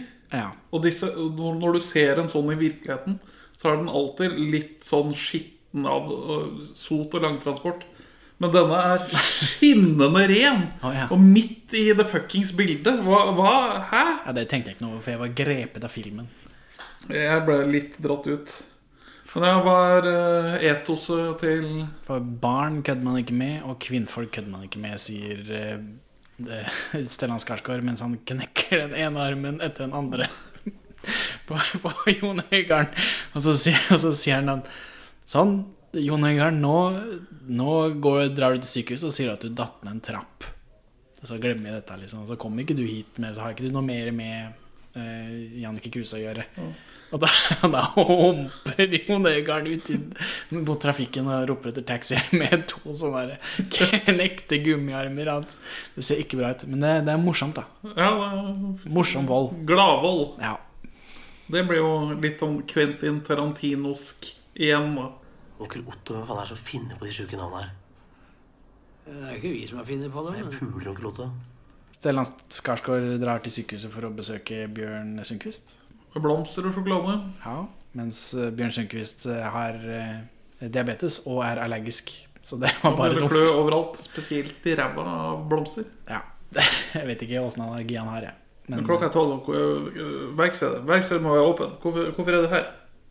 Og Jeg tenkte at ni ikke skulle ligge her ensam og alene uten noe. Og... Ja, Så han bryr seg, da. Han eh, Stellan. Men han er jo igjen i et Den svake part i et maktforhold. Og Han lurte også på hvordan det var med lønn og sånt. Jeg snyter jo ikke noe for, for lønn, men så må han jo bare gå, da. Ja, men eh, det er jo mest det at han har litt dårlig råd nå. Det, jeg vet, følte ikke at det var noe sånn maktforhold-greier. Du får jo ikke lønn før du har jobba en måned, liksom. Nei, nei, men Så han var liksom ute etter kan, Går det ikke an å få noe forskudd her, da? Eller få Ja, men han er jo i et Han er jo den svake part i i hvert fall tre maktforhold. Det er til sin utleier, til sin ar eh, arbeidsgiver, til sin gjeng Gjengleder? Andre arbeidsgiver? ja, eh, Til sønnen sin. Han vil gjerne delta, men får ikke lov, liksom. Det går ikke så bra for ham, i hvert fall. Nei. Men han blir jaga, da, av Bjørn Sundquist. For klokka er tolv, dette Det må være åpent. Det er ikke, så Verden mange, det må er ikke, ha så, mange, biler. ja, det er ikke så mange biler eh, Det er ikke så mye å gjøre, sier Stian Skarsgård, men det virker ikke som det hjelper noe. Drar han hjem og rydder rommet? Med spader og Jeg vet ikke helt hva han driver med. Han bare roter rundt. eh, Altså lagt fra seg blomster og, og sjokolade. Jorunn eh, kommer inn da. Eh, her får vi vite at hun har vært gift med Sundquist, uten at det er noe annet enn at det er litt sånn småkleint, eh, kanskje. Men, eh. Svart humor. Og Stellan Skarsgård gir bort blomstene da, til, til Jorunn. Og da blir det noe pucking igjen. Eh, Jorunn har vel også en litt sånn lengre tale om hvordan det er å, eh, å være henne, som har levd uten romanse såpass lenge. En kvinne trenger litt oppmerksomhet. Kjærtegn. Et smil må man kunne gi en kvinne. Ellers så blir de oppslukt av rengjøring. Og de kongelige på en sånn ikke På en usunn måte, da. Ja. Litt sånn som deg. Så, så litt sånn som meg. Nei, så da blir det myk sex. Ja, i dag tar vi det pent, sier Jorunn. Det liker en kvinne. Og så begynner vel Stellan Skarsgård litt sånn pent, og så ligger hun der med blomstene sine, og så liker Så blir hun vel lei da at det går så pent, så hun begynner å slå ham med blomstene for at han skal få farta. Og det er Liksom, ja, ja. Morsom. Ja. Men han har også sett veldig Han har sett mer eh, lystent på maten enn prisen han må betale. sånn. ja, det er sant. Men så her også kommer det vel noe drypp av dette at han er så stolt av sønnen sin. Jeg blir så glad i det trynet hans når han liksom forteller om sønnen sin. Og han liksom, «Å, Offiseren, jeg har en sønn, og han, liksom, han har klart seg helt fint uansett hvor teit jeg er. Og, og sånt noe. Det er nesten som om Stellan Skarsgård er en ekte skuespiller med en karriere både foran og bak seg. Jeg puler den pistolen, da. Stellan Skarsgård får lov å gå på date med Jannicke Kruse etter at han har knust trynet til Jon Øigarden og knekt begge armene hans. Ja. Og, men han har ikke noe penger, som han sier. Men det er ikke noe problem, for de kan jo bare dra hjem til Jannicke Kruse. Jeg kan lage fiskekaker. Ja. Han har ikke noe bil. eh, Men det virker ikke som det er noe problem, for han bare tar en bil som står på verksted. Og så er det date eh, der, da, hjemme hos henne. Og der blir det noe puling. Ja, men, eller hun, eh, hun lager maten først, fordi det er mat eh, kommer før puling. Ja. Eller mat blir lovet først, og så kommer prisen, som er puling. Men eh, da, etter hun er ferdig med å lage maten, så begynner hun å brette ut sovesofaen. Ja. Og gjøre klar sengen. Ja. Mens de snakker om måter å drepe folk på. Ja, for her også, dette er siste kvinne som Stellan Skarsgård får nedlegge i denne filmen. Hun er jo helt tydelig interessert i, i dreping, og her har hun truffet en fyr som dreper folk. Dette er jo perfekt match. Hadde hun vært en helt vanlig En dame som ikke var så interessert i dreping, så tror jeg ikke det hadde blitt noe ligging. Det er tydelig at, de, at hun har funnet en av de få som har drept noen, og hun er veldig interessert i hvordan han har drept. Eh, og, og all logistikken rundt det. Og hun har en spesiell interesse som de kikker på. Så at de finner Mm. hverandre, det ser jeg ikke på som unormalt. Og dette er jo helt klart den eh, koseligste sexen. Altså, de har øyekontakt under deler av akten. Og ja. de de har en seng som Ja, det- passer til den aktiviteten. Det virker som han er der lenger enn akkurat akten. At han får sove over. Altså, eh, ting Stellan Skarsgård får utdelt uten å be om det.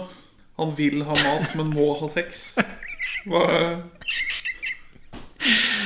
Dette er den mest lystbetonte sexen han har, da. Ja, men, her, men nå som vi liksom er fri fra Bjørn Floberg en stund, så er det dameproblemer som liksom står i, i sentrum. For nå må han drive og sjonglere eh, Jorunn og Jannicke Kruse. Ja. Så nå har han vært og spist fiskekaker. og- Men så, jo, han blir jaga ut fordi det Vi er ikke gift eller noe? Nei, hvorfor jeg får litt sånn dårlige vibber av Jannicke Kruse. Så han må dra hjem. Og der, der venter jo Jorunn da, med middagen. Middag er pakka inn og står klar. Ja. Og lurer på hvorfor det lukter frisk, fiskekaker av han, og han lyver og prøver å snu seg unna. De har en, en, eller annen- et- en eller annen rens på Ja, noen spylvæske eller et eller annet som lukter fiskekaker. og liksom det, det er ubehagelig. Og han må bare stappe i seg fiskepudding. ja, for han får fiskepudding, og det er liksom Ja, det er ubehagelige greier. Og så er det vel noe ligging, da. Ja, begynner overtiden å tære på kreftene, eller? Åpne buksa. Klipp til verkstedet. Fy faen meg igjen. Dildoen Stellan Skarsgård. Og så fikk vi jo se penisen hans hjemme hos Jannicke, da. Ja, det stemmer. Det ble pikk, eh, svenske pikkemonitor. Så vi kan krysse av det på bingokortet. Et smil, det, det må en mann kunne gi sin kvinne. Ellers så blir hun veldig bitter og hard. Legger på seg. Blir oppslukt av rengjøring og, og det kongelige. Og, ja, på en usunn måte, da. Eh, date nummer to for uh, Jannicke Kruse. Og fordi Stellan Skarsgård er litt gira på Jannicke Kruse. Ja. I motsetning til Jorunn. Og eh, eksen. Ja, han er vel litt sånn gira på Kjersti Holme nå, er han ikke det? Nei. Jeg vet ikke, ikke på den Han vil ha mer av mat. Ja, ja det er det matgreiene. Men han ble iallfall invitert eh, av Jannicke ut på, eh, på date på dansing. Ville være med ut og danse. Og her får vi en veldig autentisk norsk dansese dansesekvens. Her er det fulle nordmenn på dansegulvet med en DJ som spiller dansebandmusikk. Og det er veldig dårlig dansing. Men, men f- eh, før må han jo dodge Karen Merete på at han skal Han skal egentlig på messe. Ja, av noe slag. Han lyver. Han, eh, han ljuger mens han Han pusser tenner og røyker. Og, røyker. og da plutselig kommer det fra samboeren min Får du gjenkjenning nå? Han sier jo bare ja til alle. Jeg bare «Å, å, Hæ? Er jeg lik Stellan Skarsgård sin karakter i den filmen her? Enhver kvinne faller for deg. Og så sa hun nei, ikke på ordentlig, men du har den samme konfliktskyheten. men i motsetning til Stellan Skarsgård, som da enten sier ja eller ljuger, så er jeg- blir jeg mer sånn stille. For denne podkasten er først og fremst terapi for deg. Ja. Så ja, nei. Men så etter at han har løyet på det, da får vi den der rare dansinga. Og så får eh, Stellan Skarsgård bli med hjem og faktisk sove over.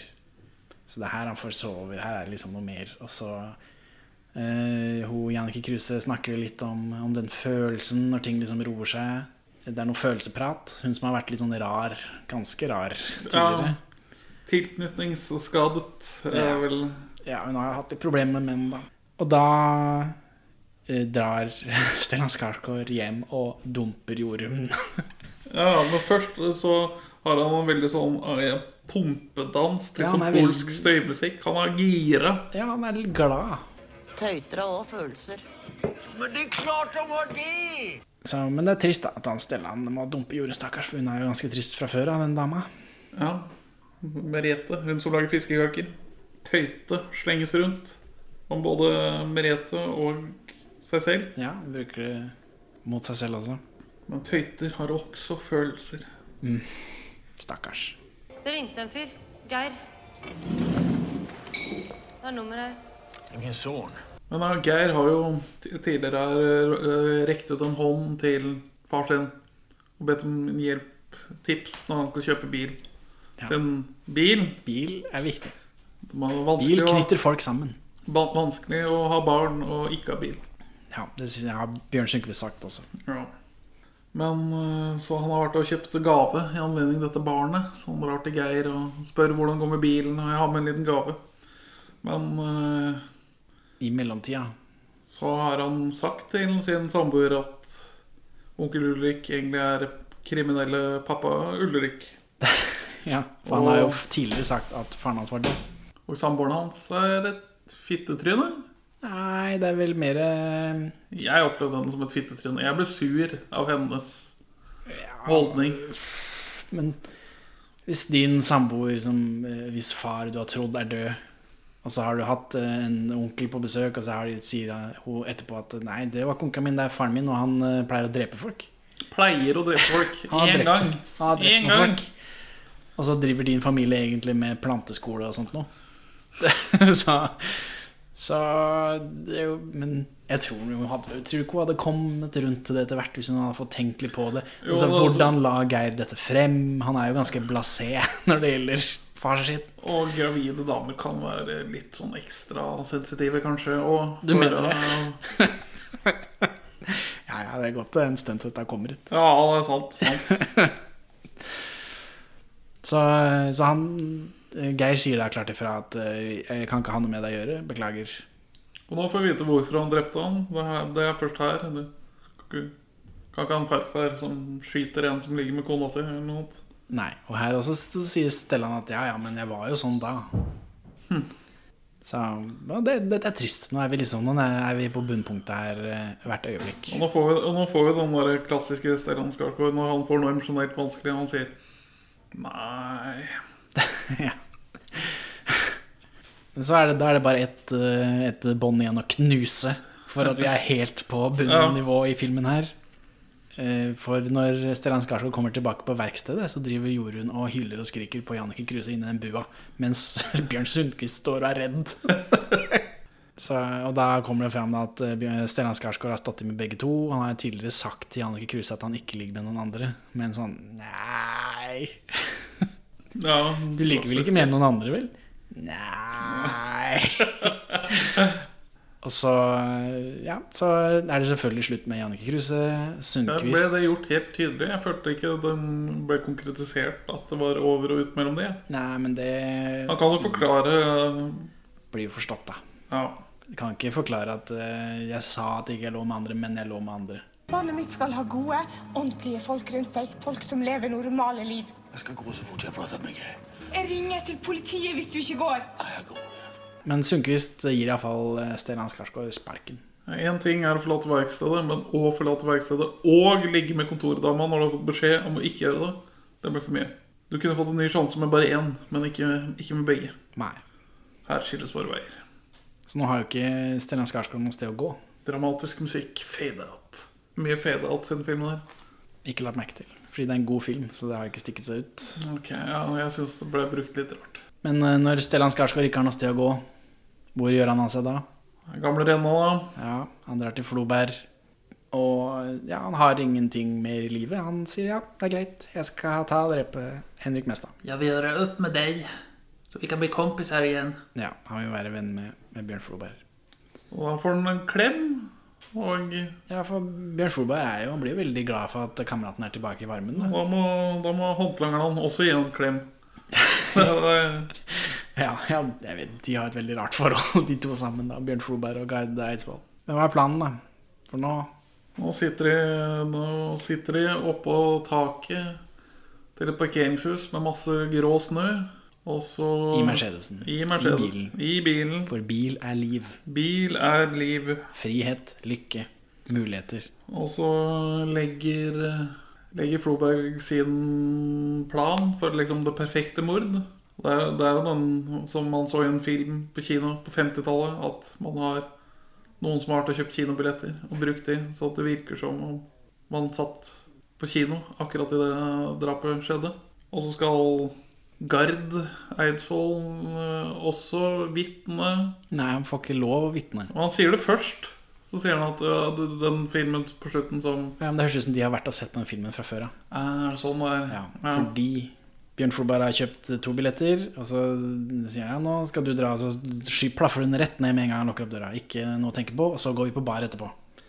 Så henter jeg deg med bilen, eller du går opp til bilen, og så drar vi på bar. Og så spør Gard eh, i bakgrunnen der sånn «Ja, Hva med kinobilletten min, da? Å nei, du er en idiot. så hvis du liksom blir tatt inn som vitne, så kommer du ut og, og og ødelegger for oss. Plapre. Så du må bare gå nå. Og så regner det helt forfer forferdelig. og, og da blir Gard Han blir ordentlig grinte. Dette er liksom siste spikeren i kista. Ja. For dette er vennskapet kåt on kåt. Så han går ut, da. Er eh, trist. Og så skraper han opp den fine Mercedesen med nøkkelen. Helt langs hele veien på terrass. Nå gjorde du noe dumt, Rolf, men han gjør jo ikke noe med det. Nei. Han har det i kjeften, men han har ikke noe faktisk makt. eh, Han får ikke sjanse til å gjøre noe med det heller, så vi vet jo aldri. Men for bil er liv. Bil er liv. Og eh, Stellan Skarsgård har ikke kødda med bilen hans. Ennå. Hva med kinobilletten min, da? Du får ikke noen kinabilletter, Ron, for du er en forpult idiot. Hæ? Hvis du skulle vitne, så hadde du driti deg ut, og så hadde vi valgt inn alle tre. Så, men eh, S- Stellan Skarsgård han går bort til Henrik Mestad, da. Skal liksom gjøre det. Do the deed. Henrik Mestad lukker opp døra. Stellan Skarsgård tvinger seg inn med den gunneren. Istedenfor å plaffe den rett ned, som han får beskjed om, så får Henrik Mestad lov til å eh, tisse på seg og be, om, be for sitt liv. Ja, han spiller eh, passe ynkelig her. Han han får beskjed eh, ned på knær, telt til tolv. Det var så lenge jeg satt i fengsel. Ah, det var litt lenger. Altså, Å telle til tolv uten den sensasjonlåta, det går ikke. Hvilken 1, 2, låt? 3, 4, 5, 6, 7, 8, 9, 10 og 11, 12 Og så nå får vi litt mer nyanser i dette, denne tystehandlingen til Henrik Mestad. For hvem var det som ble drept? Jo, det var jo broren hans. Ja, så han hadde liksom ikke noe av. Alle visste at det var Stellan Skarsgård. Alle i den gjengen. Det hørtes ut som Henrik Mestad hadde vært med i den gjengen, kanskje. Eller liksom, han hang i det samme sluskete miljøet som broren hans og Stellan Skarsgård og hele Bjørn Floberg og hele den gjengen. Og så blir Henrik Mestad overlykkelig når han kommer på en annen idé. Du kan brekke armene mine! Og så byr han frem armene sine med noen stråler av Du kan igjen- brekke armene mine. Håp i øynene. ja, for at han får leve, men med knekte armer. Og Bjørn- Stellan Skarsgård har jo knekt armer fra før av, så det, Det vet skulle jeg. ikke være noe problem. Men jeg har tidligere avkreftet at det, Eller Bjørn Floberg har avkreftet at det hadde, det hadde ikke vært nok for tolv år. Tolv år er ikke Brekte armer er ikke bra nok. Nei. Kun liv kan betale for liv. Men så når dette er holdt på en stund, så kommer kjerringa til Henrik Mestad hjem med en, en unge utkledd som reinsdyr. Ja. Det er vel desember, da. Juletrefest. Men våren kommer jo etterpå. Samme dagen. Ja, det er vel ikke lov å kle seg som et reinsdyr i sånn i, i, April? Mars? Ja, nei. Nei. Uansett Kona spør om hun skal lage en kopp te. ja, for Nå kommer hun inn med, mens Stellan Skarsgård står der med gunneren sin, mens Henrik Mestad sitter på kne og har tissa på seg. Og så spør hun skal jeg skal jeg lage en kopp te. Ja, kan du? ja det, det hadde vært fint, sier Henrik Mestad. Morsom scene. Og så det blir liksom eh, Han får litt å tenke på, da, Stellan Skarsgård. Så han setter seg i sofaen her, skal fyre opp en røyk. Får ikke lov å fyre røyk. Selvfølgelig, Vi, vi, vi røyker helst ikke inne. Guttungen har astma. skjønner du. Ja, jeg håper han skal overvokse, da. Altså, altså, liksom, ja. Så- Står det et umotivert glass med melk på bordet. ja. Som da han kaster den utente siggen i når han går. Så Og så går han. Tsjekhovs melkeglass. Kan du brekke armene på meg? Ja, kan du, ikke- kan, kan du ikke brekke armene på meg? Ta- Brekk armene mine! Akkurat før eh, Stellan Skarsgård går, så får vi vite da at Henrik Mestad betaler Bjørn Floberg 2000 kroner i måneden. For å gjøre opp for uh, tystingen sin, liksom. Ja. Og han tilbyr seg å fortsette å betale det. Ja. Så det viser seg jo da at det er Henrik Mestad som har betalt Kjersti Holmen. Eh, Og, og Bjørn Floberg har tatt 500 kroner. Ja, og, men likevel Og Stellan Skarsgård må betale dette tilbake. Altså Bjørn Floberg, fy faen. ass. Makan. Makan. Så eh, nå er Stellan Skarsgård er litt sånn nedfor, da, så han eh, drar til sønnen sin. Vil gjerne fortelle sønnen sin at eh, han kommer ikke til å høre noe mer fra far sin.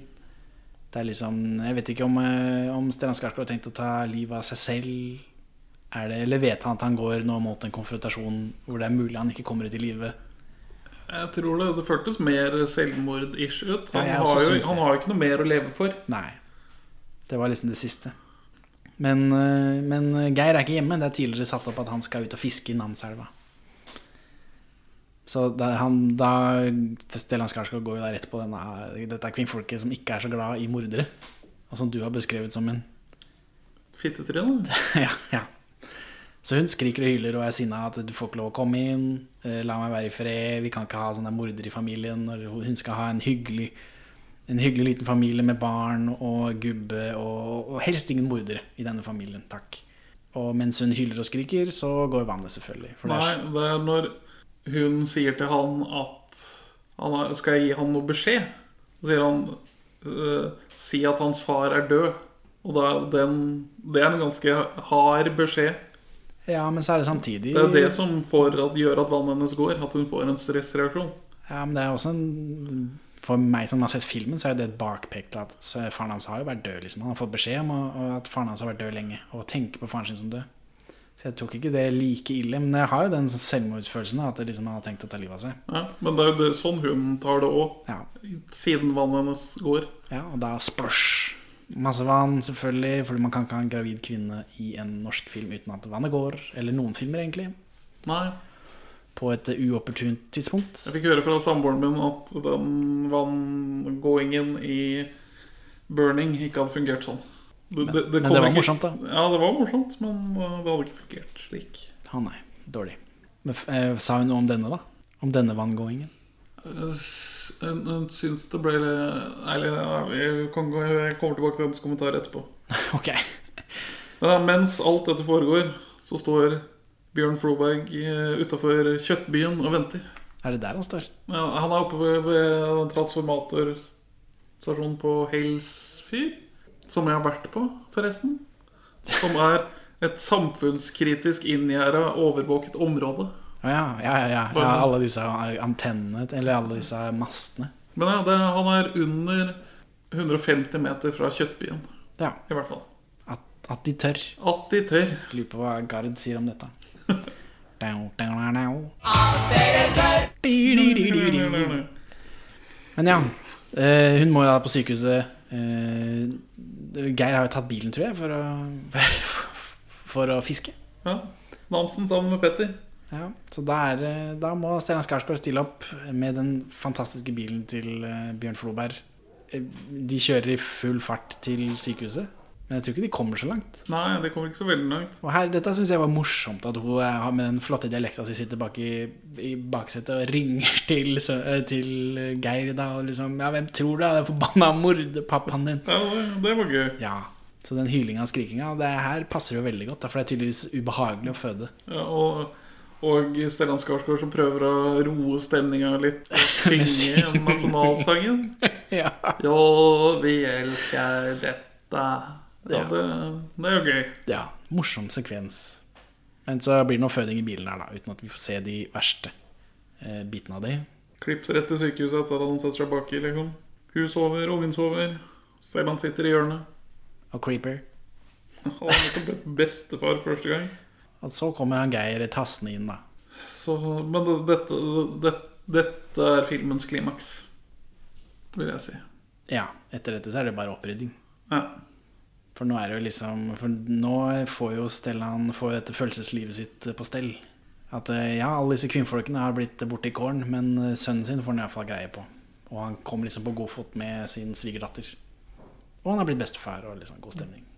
Ja, han, tre, han trekker tilbake det han skulle si til sønnen. Liksom. Ja, for han skulle jo komme og si 'nå tar jeg livet av meg'.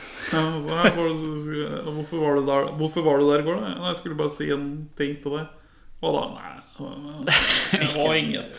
ikke, noe, ikke så viktig.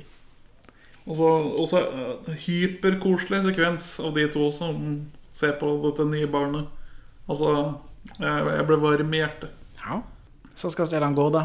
La denne lille familien være i fred. Stellan har jo andre ting han skal gjøre denne kvelden. Eh, Bjørn Floberg står og venter. Jeg vet ikke hvor langt dette har tatt.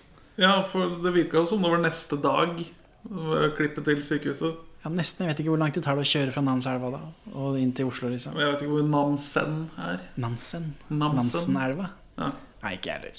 Men, eh, men, eh, men Bjørn Floberg klager i hvert fall på at han har stått og venta lenge. Så det, det er på en måte greit. Det får bare Fryser være. ræva av meg. Ja. Jeg prater litt sånn her. Og da Den fine bilen, da. Bil er frihet, bil er liv, bil er alt. Den er jo nå litt grann nedgrisa av blod og f- fosterkaker og gelé og helvete i baksetet der. Det ser ikke bra ut. Å, Fy faen, din jævla utakknemlige faen. Han er Tolv år har jeg betalt eh, kona og sønnen din. Og så. Ja, for Steinar Skarsgård sier jo også at eh, det ble ikke noe dreping. Beklager. Og så, ja, men det var jo Det var jo han tysteren som betalte dem. Å ja, men det, mm, det håndviftes litt bort av Floberg. Ja, han, Bjørn Floberg bare raljerer over hvor fæl eh, alt er. Alle er mot han, og hvor, hvor vanskelig det er for han å være eh, kriminalsjef med så mange idioter. Han tar på seg briller bare for å vise hvor ga- gammel han er når han skal se på skaden som er gjort med bilen. Og så går han rett i sånn vaskemodus. Ja, bak i, bak i bagasjerommet. Der hvor alle disse, disse boksene hans står. Han holder på å vaske morkake eller et eller annet sånn ekle greier ba- bak i bagasjerommet. Nei, i baksetet, mener jeg. Men eh, det er tydelig at Stellan Skarsgård begynner å bli lei av dette maset. Ja, han orker ikke mer.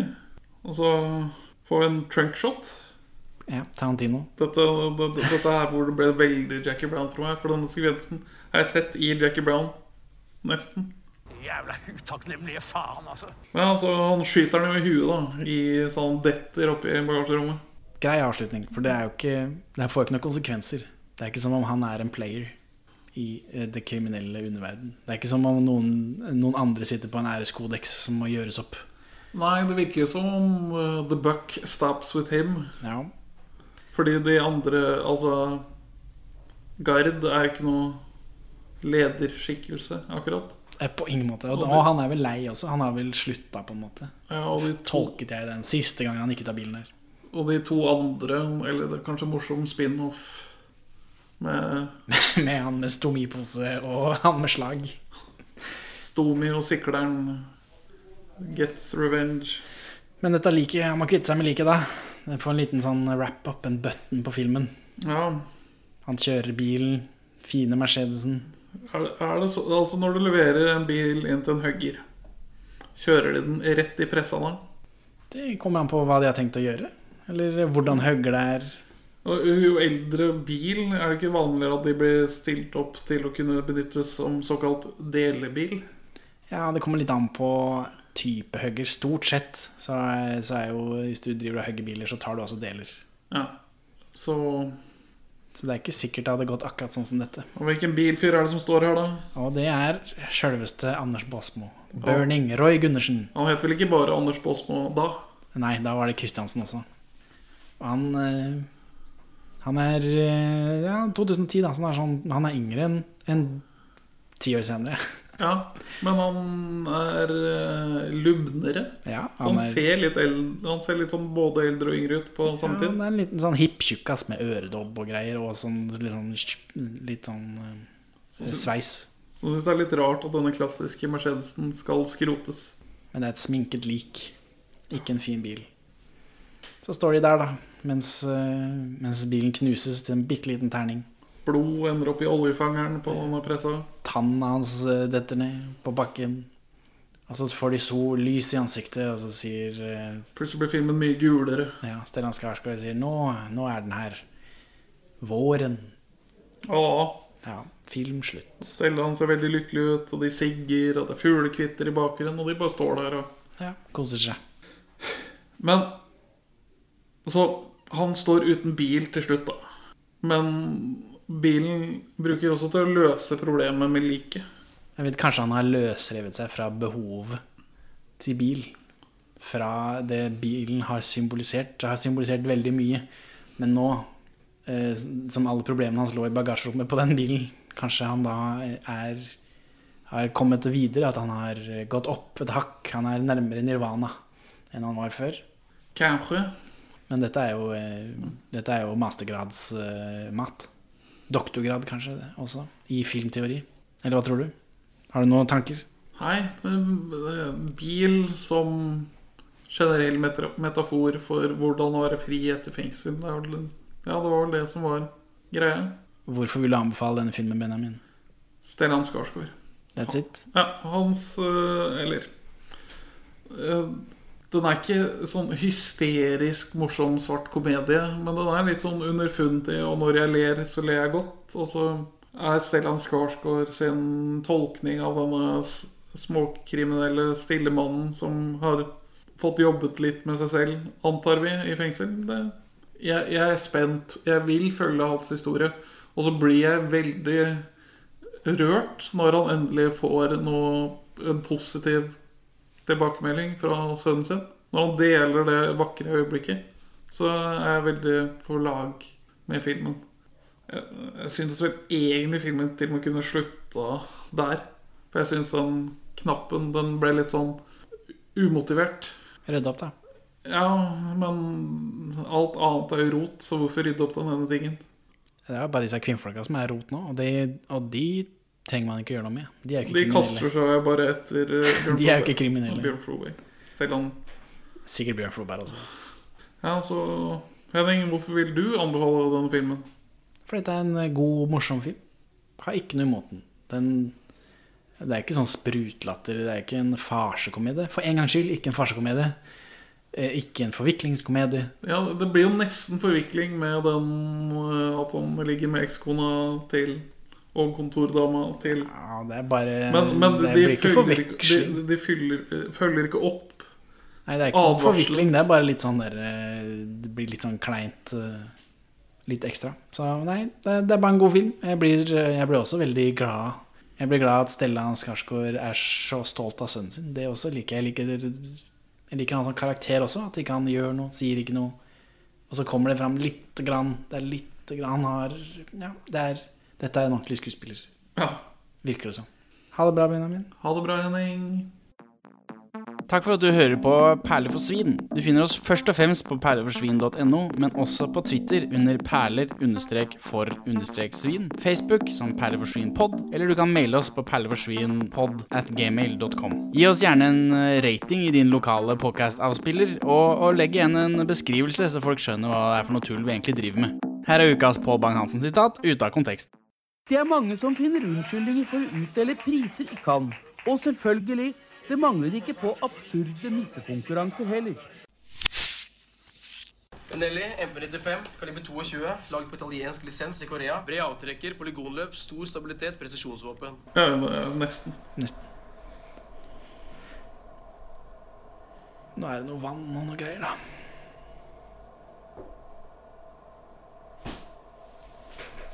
Sangfolio Limited Custom, lang sleide, nedskåret triggerguard, utvidet magasinbrønn, single action trigger, valnøtt.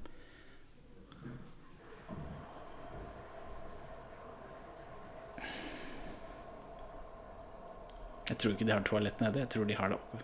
Det tror jeg jo.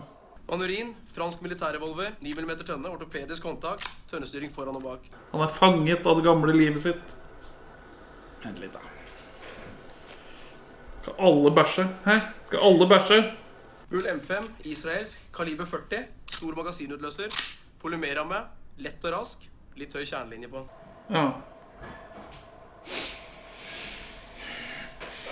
Fuck my wife. Glock 17, østerriksk kvalitet, 919, safe action trigger, 17 skudd, sjekker front og backstrap, magasin med gummipad.